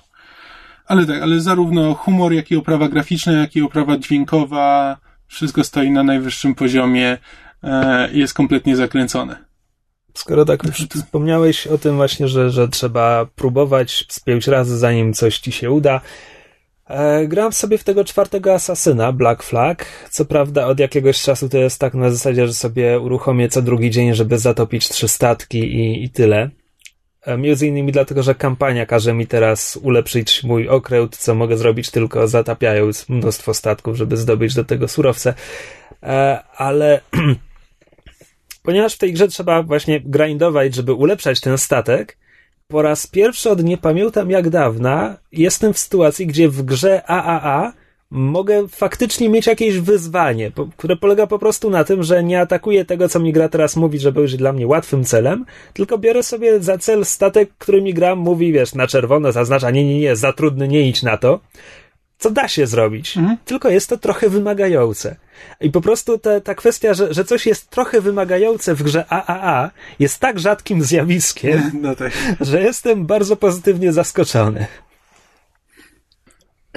To oprócz tego, że obejrzałam Grand Piano wczoraj, to potem obejrzałam sobie drugi film i zupełnie przez przypadek stało się tak, że oba filmy miały Johna Cusacka. Więc miałam wieczór z Johnem Cusackiem. Drugi film to bardzo specyficzny twór, nie dla każdego. Mianowicie film niezależny pod tytułem Adult World. O młodej dziewczynie, która studiowała poezję. Studiować poezję. Widać, że nie chciała nigdy, w, że tak powiem, dojść w życiu do czegokolwiek. Wow. takie jest przesłanie filmu, takie jest przesłanie filmu. To nie ja, to film. E, jakby studiowała poezję i, i jest na utrzymaniu rodziców, no i rodzice w pewnym momencie jej mówią, że właśnie, że jest, że jest dzieciakiem, że że musi sobie znaleźć pracę, że jakby to, że ona wysyła swoją poezję do wszystkich wydawnictw i prawda, chce zostać opublikowana i chce w ten sposób na siebie zarabiać, to jakby nie oznacza, że jej się to uda, że fajnie jest mieć marzenia, ale trzeba też być realistą. A z kolei dziewczynka jest taka bardzo naiwna i może i ma te tam 22 lata bodajże, ale pisze bardzo takie dramatyczne wiersze i czyta je jeszcze takim szalenie dramatycznym głosem, z taką piękną intonacją aktorską. Ma na ścianie w pokoju plakat Sylwii Plath i to jest jej idolka. No, po prostu emo, emo nastolatka mimo tam, tam dwudziestu paru lat na karku. No i e, znajduje e, zupełnie przypadkiem pracę w e, sklepie, e, w seks shopie. w sklepie z, z erotyką, takim prześmiesznym, e, malutkim sklepikiem typu e, Moment Pop Shop, czyli takim rodzinnym sklepikiem, tylko że akurat jest sex shopem, w jakiejś małej, zapa w, z, zapadłej e, części miasta. No i tam spotyka, e, przy okazji spotyka właśnie bardzo, że tak powiem, e, różnorodne towarzystwo, między innymi e, tam transwestytę, tam młodego chłopca, z którym pracuje, w którym oczywiście potem się, że tak powiem, mają się ku sobie. Że młodego chłopca w seks shopie? A On tam pracuje. Zdefiniuj młodego No to chłopca. tak jak ona, no ma tam, nie wiem, dwadzieścia parę lat. Miałem takie déjà vu, że aż mi się w głowie zakręciło. Widziałam, jak się obraca. No bo ja ciągle mówię o młodych chłopcach w seks shopach. E, keep that in. e, ale to, co jakby jest e, wiodącym wątkiem, jest pisarz, właśnie też poeta, w którym, którym jakby ta, ta nasza bohaterka się zachwyca.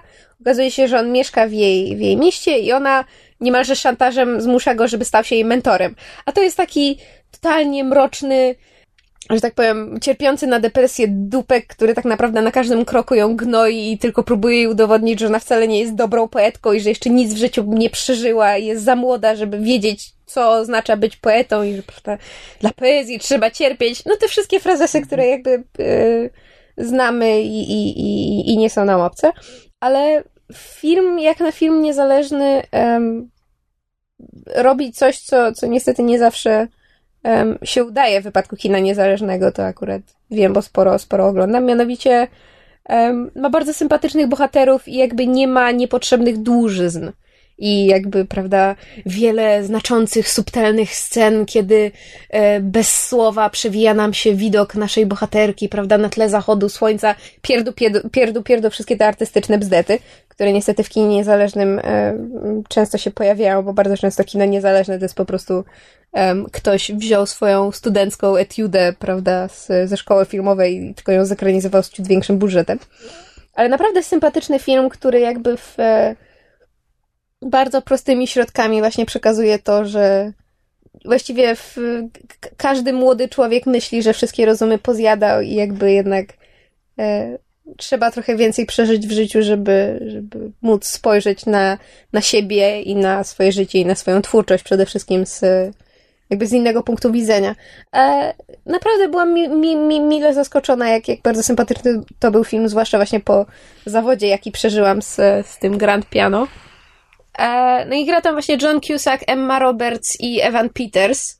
E, to o nich e, mogłam wspominać przy okazji American Horror Story Coven, bo oni są dwójka młodych aktorów, bardzo utalentowanych, oni zresztą są parą w, w życiu prywatnym i bardzo fajnie się tutaj właśnie w filmie sprawdzali, jakby mm, widać, że ta, ta, ta jakby przede wszystkim ta, ta relacja przyjaźni i potem związku między nimi e, jakby jeszcze podnosi ten film. Mówię, nie jest to, nie jest to dla każdego, tylko jeżeli ktoś lubi, tak jak, tak jak ja lubię sobie raz na jakiś czas zafundować jakiś e, bardziej niezależny obraz, który nie jest, e, nie polega na tym, że prawda, zabili go i uciekł, albo wielkie wybuchy, wielka miłość, ale na tam dwie godzinki, żeby poświęcić, można, mo, można obejrzeć. Naprawdę sympatyczny film z bardzo, z bardzo fajnym przesłaniem, z, z dobrym aktorstwem i bardzo fajną muzyką. O, i to tyle ode mnie. Jeszcze szybko wspomnę, że Netflix wypuścił już drugi sezon House of Cards, przez który zacząłem się przewi przewijać? Przebijać. Tylko, że jakby dawkuję go sobie, bo oczywiście mógłbym się zamknąć na pół dnia i obejrzeć wszystko, tylko że wtedy by mi się zlał cały sezon w taką masę i bym nie wiedział, które wątki były kiedy.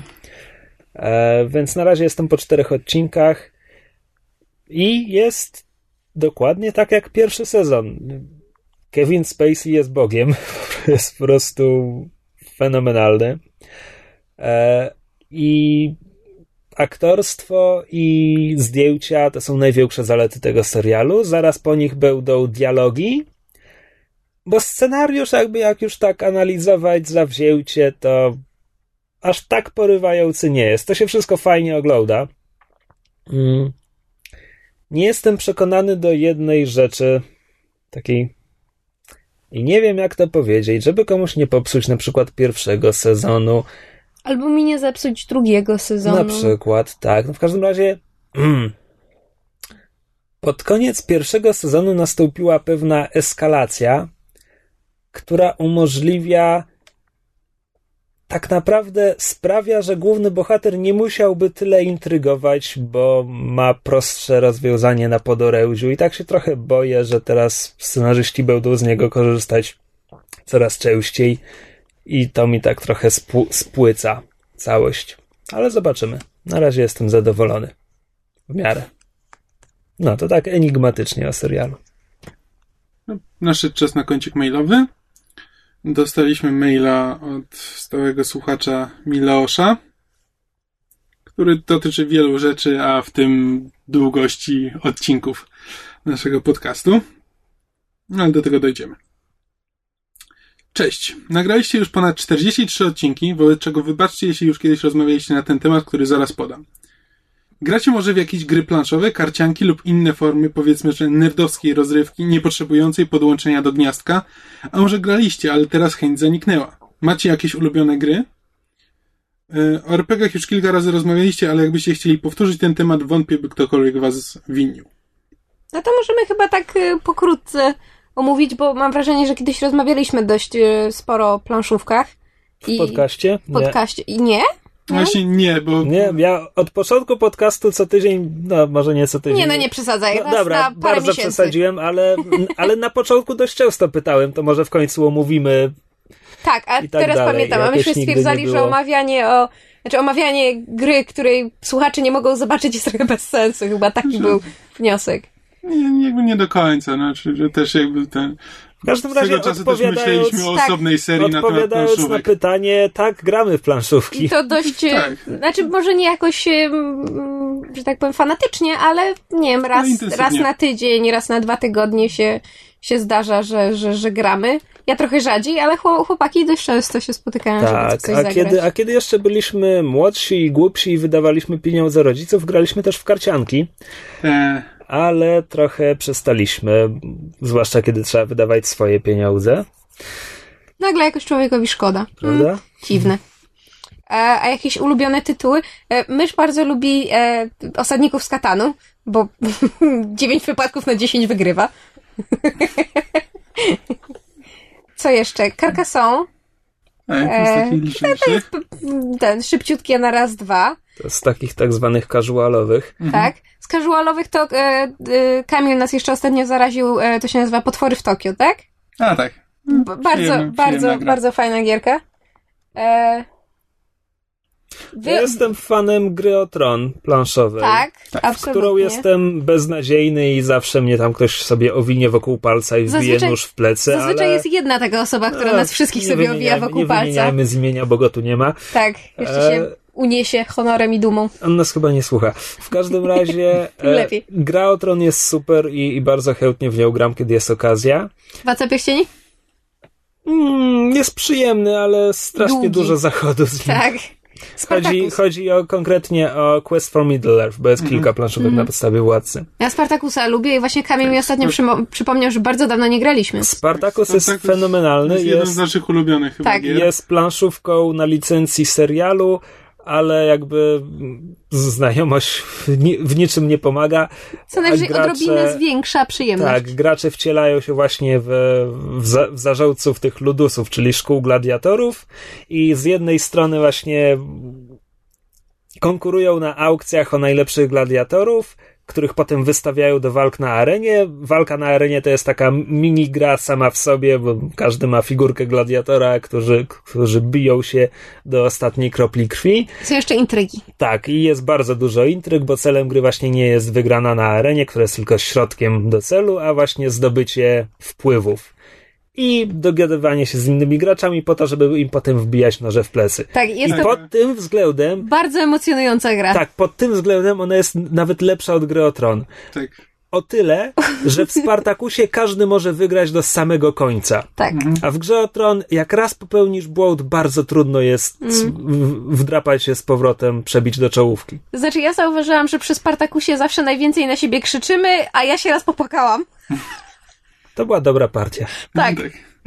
Nie dla mnie, ale to było zabawne z perspektywy czasu. I wtedy jakby nauczyłam się, mu, mu, musiałam się nauczyć jakby po- powściągiwać emocje podczas grania w planszówki. E, Spartakusa wydała firma zwana Gale Force 9, która ma na koncie dwie gry, Spartakusa i Firefly, na podstawie serialu Firefly. Które wy To ostatnio jest- namiętnie tak, gracie. to jest mój ostatni zakup, to jest zupełnie inna gra, tutaj prawie nie ma interakcji pomiędzy graczami, jest po prostu wielka plansza przedstawiająca ten, te kilka układów słonecznych, każdy gracz ma swojego Firefly'a, zbiera załogę i lata od planety do planety, wykonując różne legalne lub nielegalne robótki.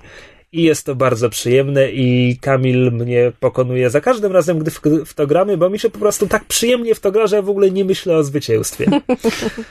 E, tak, to jest bardzo fajne, chociaż Diablo drogie. Co ale- jeszcze, w co jeszcze gramy? Co my tam mamy w domu z planszówek, Mm, Kamil? Znaczy, nikt oprócz mnie nie lubi tej gry, ale z Arkham Horror. O Boże, nie! Raz, raz próbowaliście mi wytłumaczyć, jak to się gra i w końcu nie zaczęliśmy grać. Ja ostatnio rozegrałem partię Arkham Horror z, z, z innymi ludźmi i to była najlepsza partia Arkham Horror, w jaką grałem, bo faktycznie była aktywna współpraca między graczami.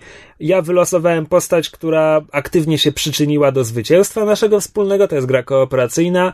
E, Zapieczętowałem tam chyba ze dwie bramy do tych plugawych wymiarów. I to wciąż jest nudna gra. To była najlepsza partia, jaką w życiu rozegrałem i ona wciąż nie, nie była zbyt wciągająca. Czy Mi się akurat... Wciąż, przepraszam, No. wciąż, mimo tego, że wylosowałem dobrą postać, miałem aktywną rolę grze, w grze, wciąż miałem taką sytuację, że tam siedziałem na bramie i wiesz, trzy tury, tura po turze sprowadzała się do tego, żebym raz rzucił kostką i zobaczył, czy mi się uda coś zrobić. Tak, dlatego mi się ta gra najbardziej podobała wtedy, kiedy ja nią e, z, e, grałem samemu. Ze dwa razy w życiu ją sobie rozstawiłem samemu, jak mi się nudziło w domu.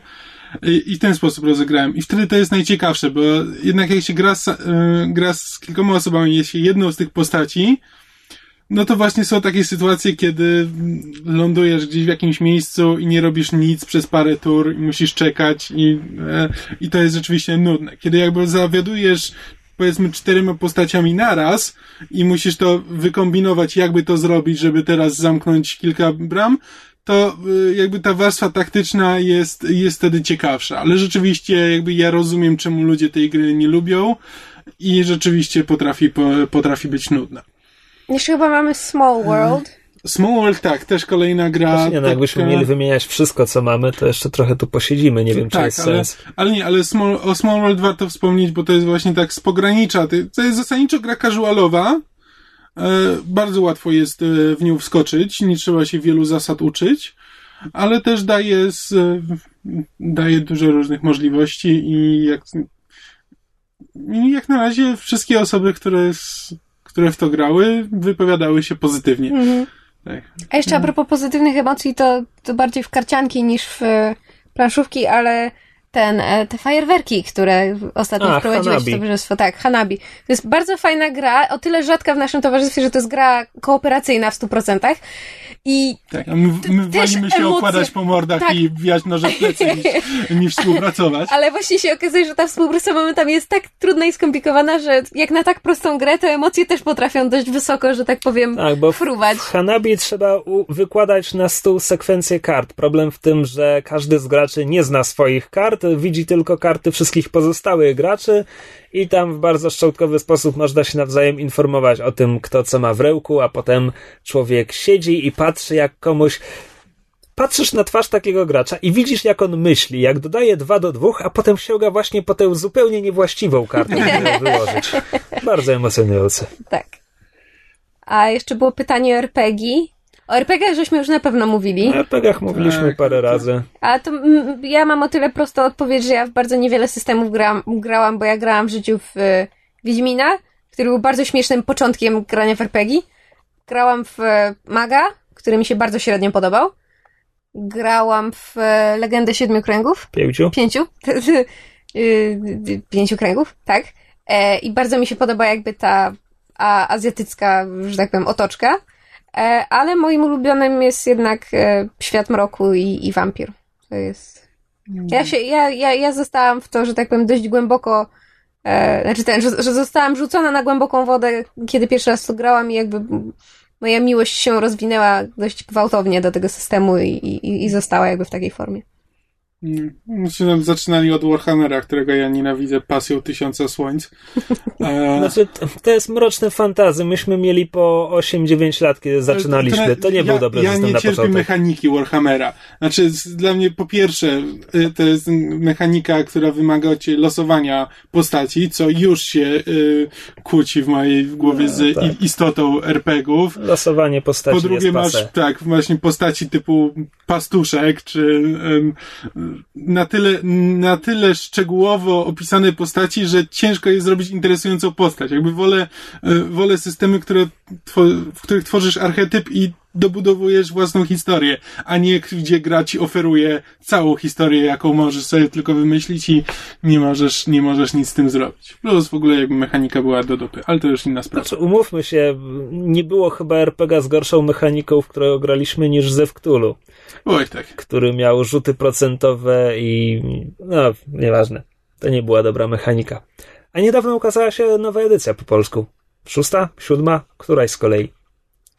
Może jest lepiej już w szóstych, siódmych. No, a ja mam teraz zapał, że znaczy po raz piąty będę próbował poprowadzić maga, którego lubię, którego mi się fajnie prowadziło w starym świecie mroku.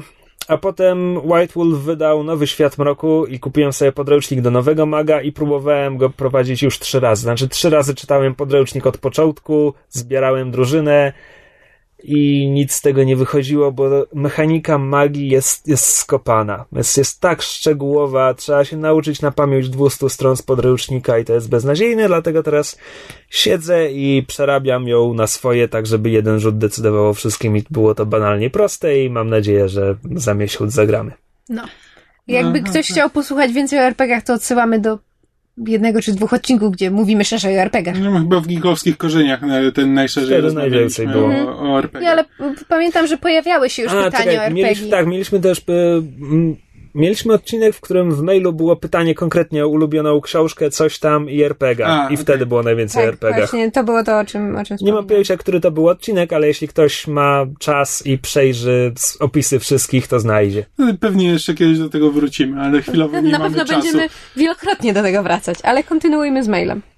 Jeszcze e, Milosz pyta, czy oglądamy kino azjatyckie, typu japońskie i koreańskie, bo sam jest fanem tej kinematografii. E, Znaczy, Ja nie jestem rzadko. fanem, rzadko oglądam. Lubię, ale to jest na zasadzie, że raz na dwa lata coś przypadkiem obejrzę. Ja widziałem Oldboya, którego bardzo lubię. Fantastyczny. Mój Tak. ulubiony film koreański, a znam trzy. To ja znam jeden i to jest mój ulubiony. Bo...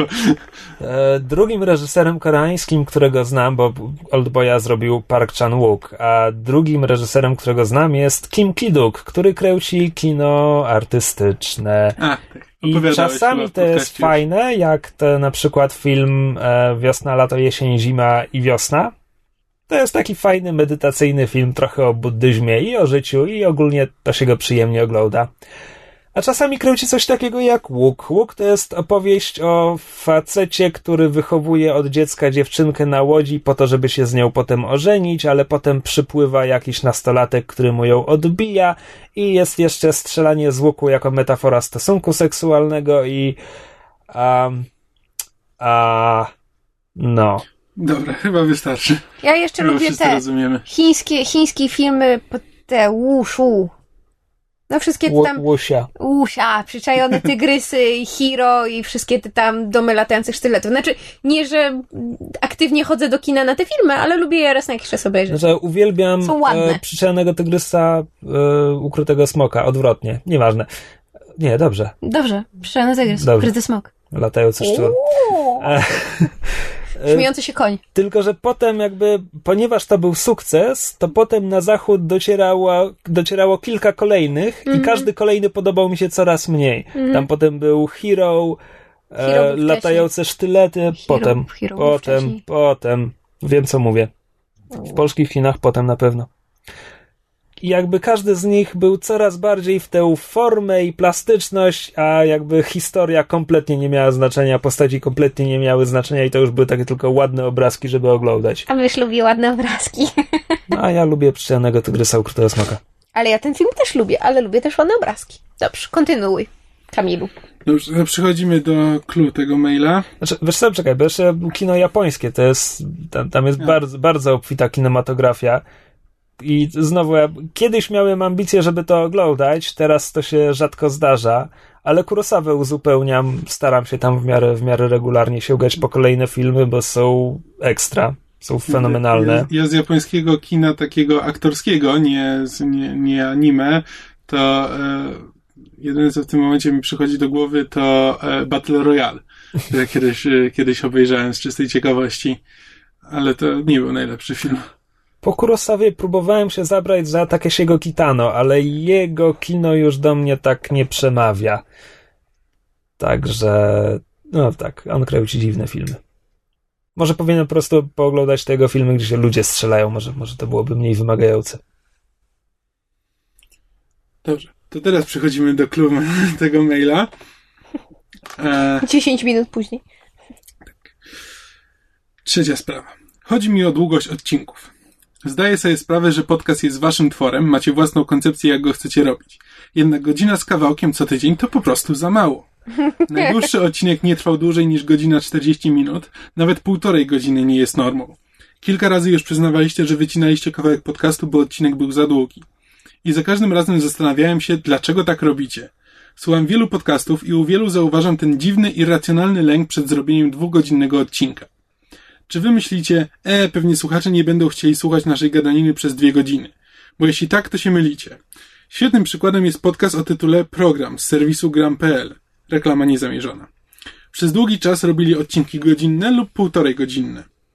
Dodać warto, że oni nagrywali pojedynczy podcast na jednym posiedzeniu bez przerw i intensywnego montażu. W komentarzach ludzie prosili, a czasami wręcz domagali się dłuższych odcinków. I w końcu dwóch prowadzących zrobiło taki epizod.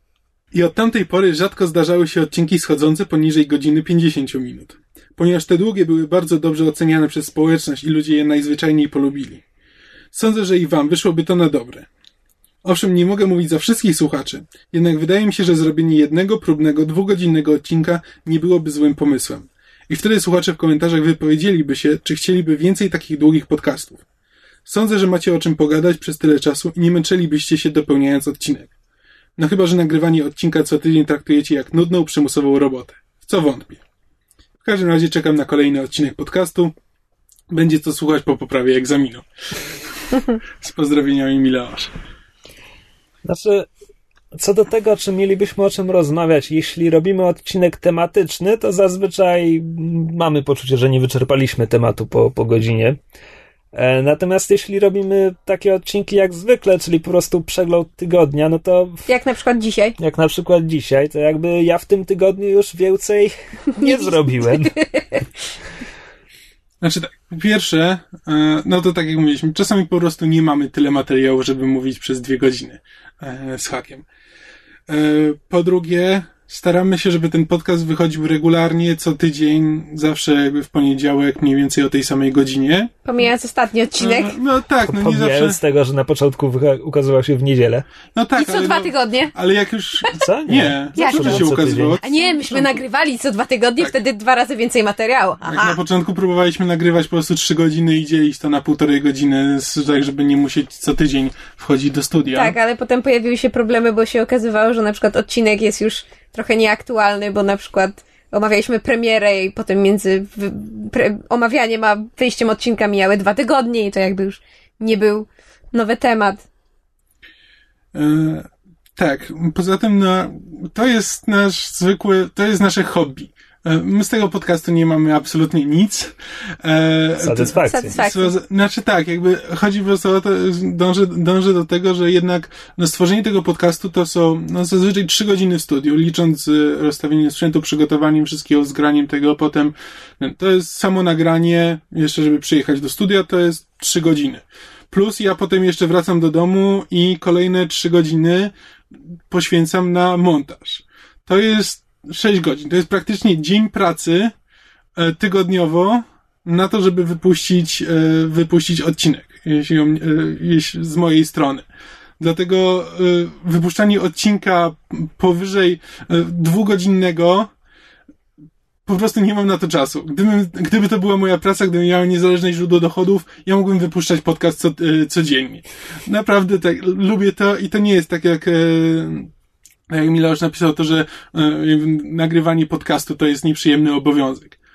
Montowanie jest trochę nieprzyjemnym obowiązkiem. Gdybym Nie był no. w stanie zatrudnić kogoś, żeby to robił za mnie, to bym to zrobił. Umówmy się, czasami są takie dni, że człowiek nie ma ochoty gadać i ględzić i nie bardzo ma o czym mówić, ale jakby jesteśmy w stanie przejść na tym do porządku dziennego. Już robimy to na tyle długo i na tyle regularnie, że zawsze się znajdzie jakiś temat. Poza tym wszystko, jakby ja się kieruję przy, jakby przy tworzeniu tego podcastu tym, co sam lubię w podcastach. Jednak wiem, że w większości wypadków, jeśli mam, jeśli podcast trwa właśnie e, dłużej niż półtorej godziny, to, e, to zaczynam się nudzić.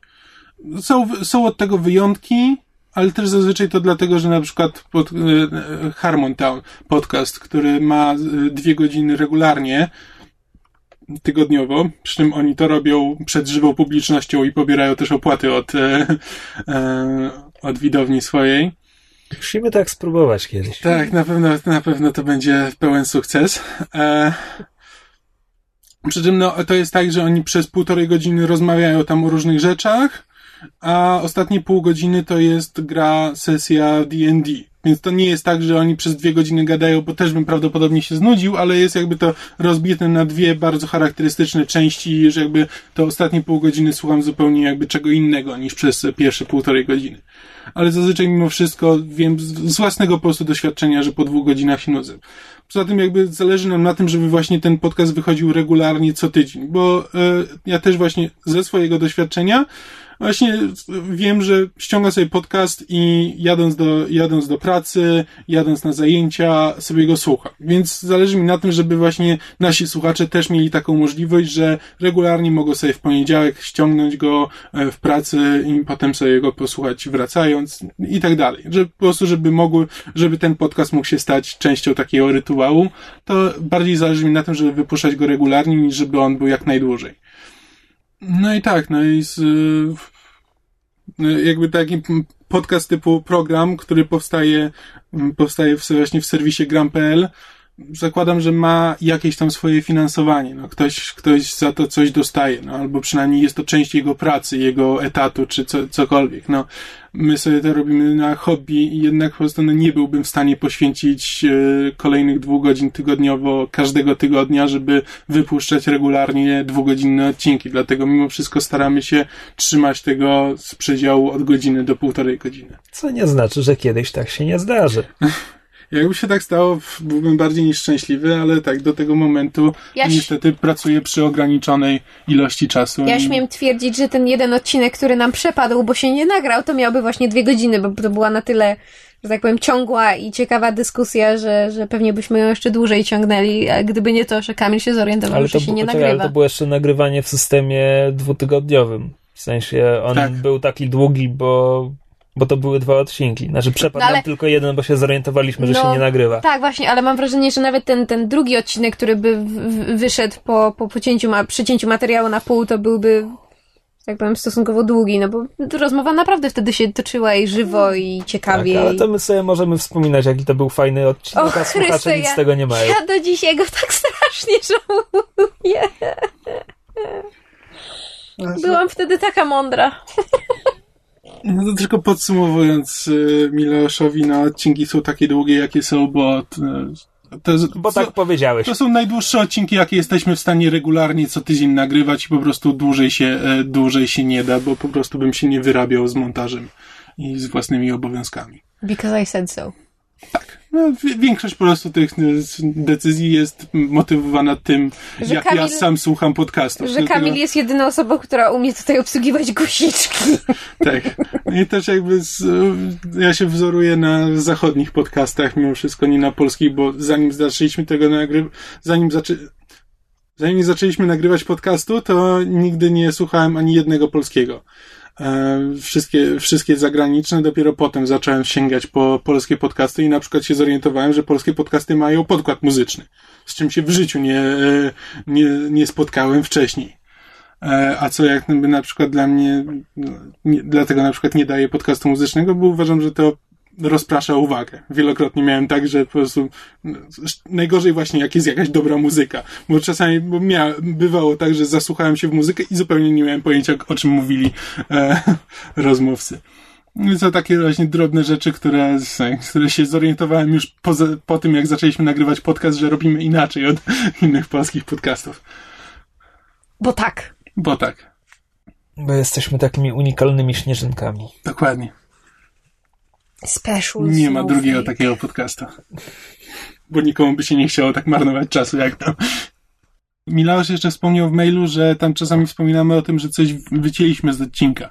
Jakby ja chciałem podkreślić, że w większości wypadków montaż, e, montaż myszmasza nie jest montażem merytorycznym. Ja praktycznie nic, e, nic z tego nie wycinam e, tematów. Czasami się rzeczywiście zdarzało, jak na przykład, ale to też z fragment o Assassin's Creed Liberation. Został przeniesiony do następnego odcinka, bo A się nie mieścił, B Krzysiek się naprawdę rozgadał. No tak, i wtedy wycięli z niego parę minut. Tak, wtedy parę, parę minut wycięliśmy, bo po prostu z, bo z, o jednej grze segment miał ponad pół godziny, czy coś takiego. Nie, no, no w każdym razie... 22 minuty. No, coś takiego. W każdym razie jako, jakoś było, było za dużo. Ale w większości wypadków to nie jest montaż merytoryczny. To nie jest tak, że ja potem siedzę i zastanawiam się, co by tu zostawić, co nie. To, co słyszycie, to jest mniej więcej to, y, to jest to, co nagrywamy. Ja usuwam co najwyżej jakieś pauzy, chrząknięcia, kaszlnięcia. Myszy, napady śmiechu. Taki z, przerwy na herbatę. To jest jedyne, co jest usuwane, usuwane z podcastu. Cała reszta to jest to, co tutaj nagrywamy i nie, nie ma dla mnie znaczenia, czy to ma sens, czy nie ma sensu. Zostaje, bo tak. Tylko winny się tłumaczy. Nie no, chciałem tylko, tak, tak Milaos napisał, że, że usuwamy e, fragmenty z podcastu. Chciałem tylko zaznaczyć, że no, to się rzadko zdarza, żebyśmy wycięli po prostu jakiś temat, o którym rozmawialiśmy. No to tyle w tym tygodniu.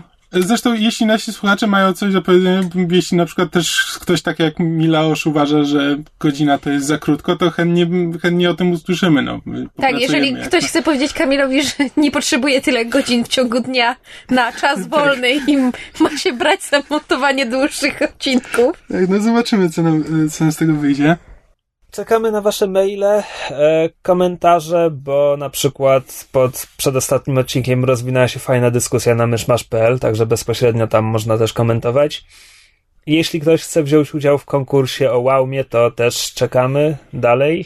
Macie czas do połowy marca, circa about. A na co jeszcze czekamy? Um, dobre słowo? Jakby ktoś chciał nam przysłać ciasteczka, to ja chętnie. I czekamy na drugi ja sezon. iPada. Czekamy na drugi sezon Hannibala. Co myślisz, że nam prześlą? Słuchacze? No, Czy producenci nie, słuchają naszego nie, podcastu? Niektórzy już widzieli pierwszy odcinek drugiego sezonu Hannibala, nie chcę nic mówić. Zostali zaproszeni do siedziby stacji AXN i widzieli w ciemnej sali konferencyjnej siedząc z herbatką. Ja Zwierz, się tak nie bawię. Zwierz nas słucha? Nie wiem, czy zwierz nas ale, słucha. Tak, ale jakby ktoś się zastanawiał, jak brzmi blogerska zawiść, to właśnie w ten sposób. tak. No, zobaczyła ten pierwszy odcinek dwa tygodnie wcześniej. Nie, no, nie, ma, nie, nie w kij dmuchał. Koniec! Słuchaliście podcastu Myszmasz. Możecie nas znaleźć na myszmasz.pl lub polubić nasz fanpage na Facebooku. Możecie nam także wysłać maila na myszmaszpodcast.gmail.com Jeśli do nas napiszecie, będziemy szczęśliwi jak rakietowy shop pracz.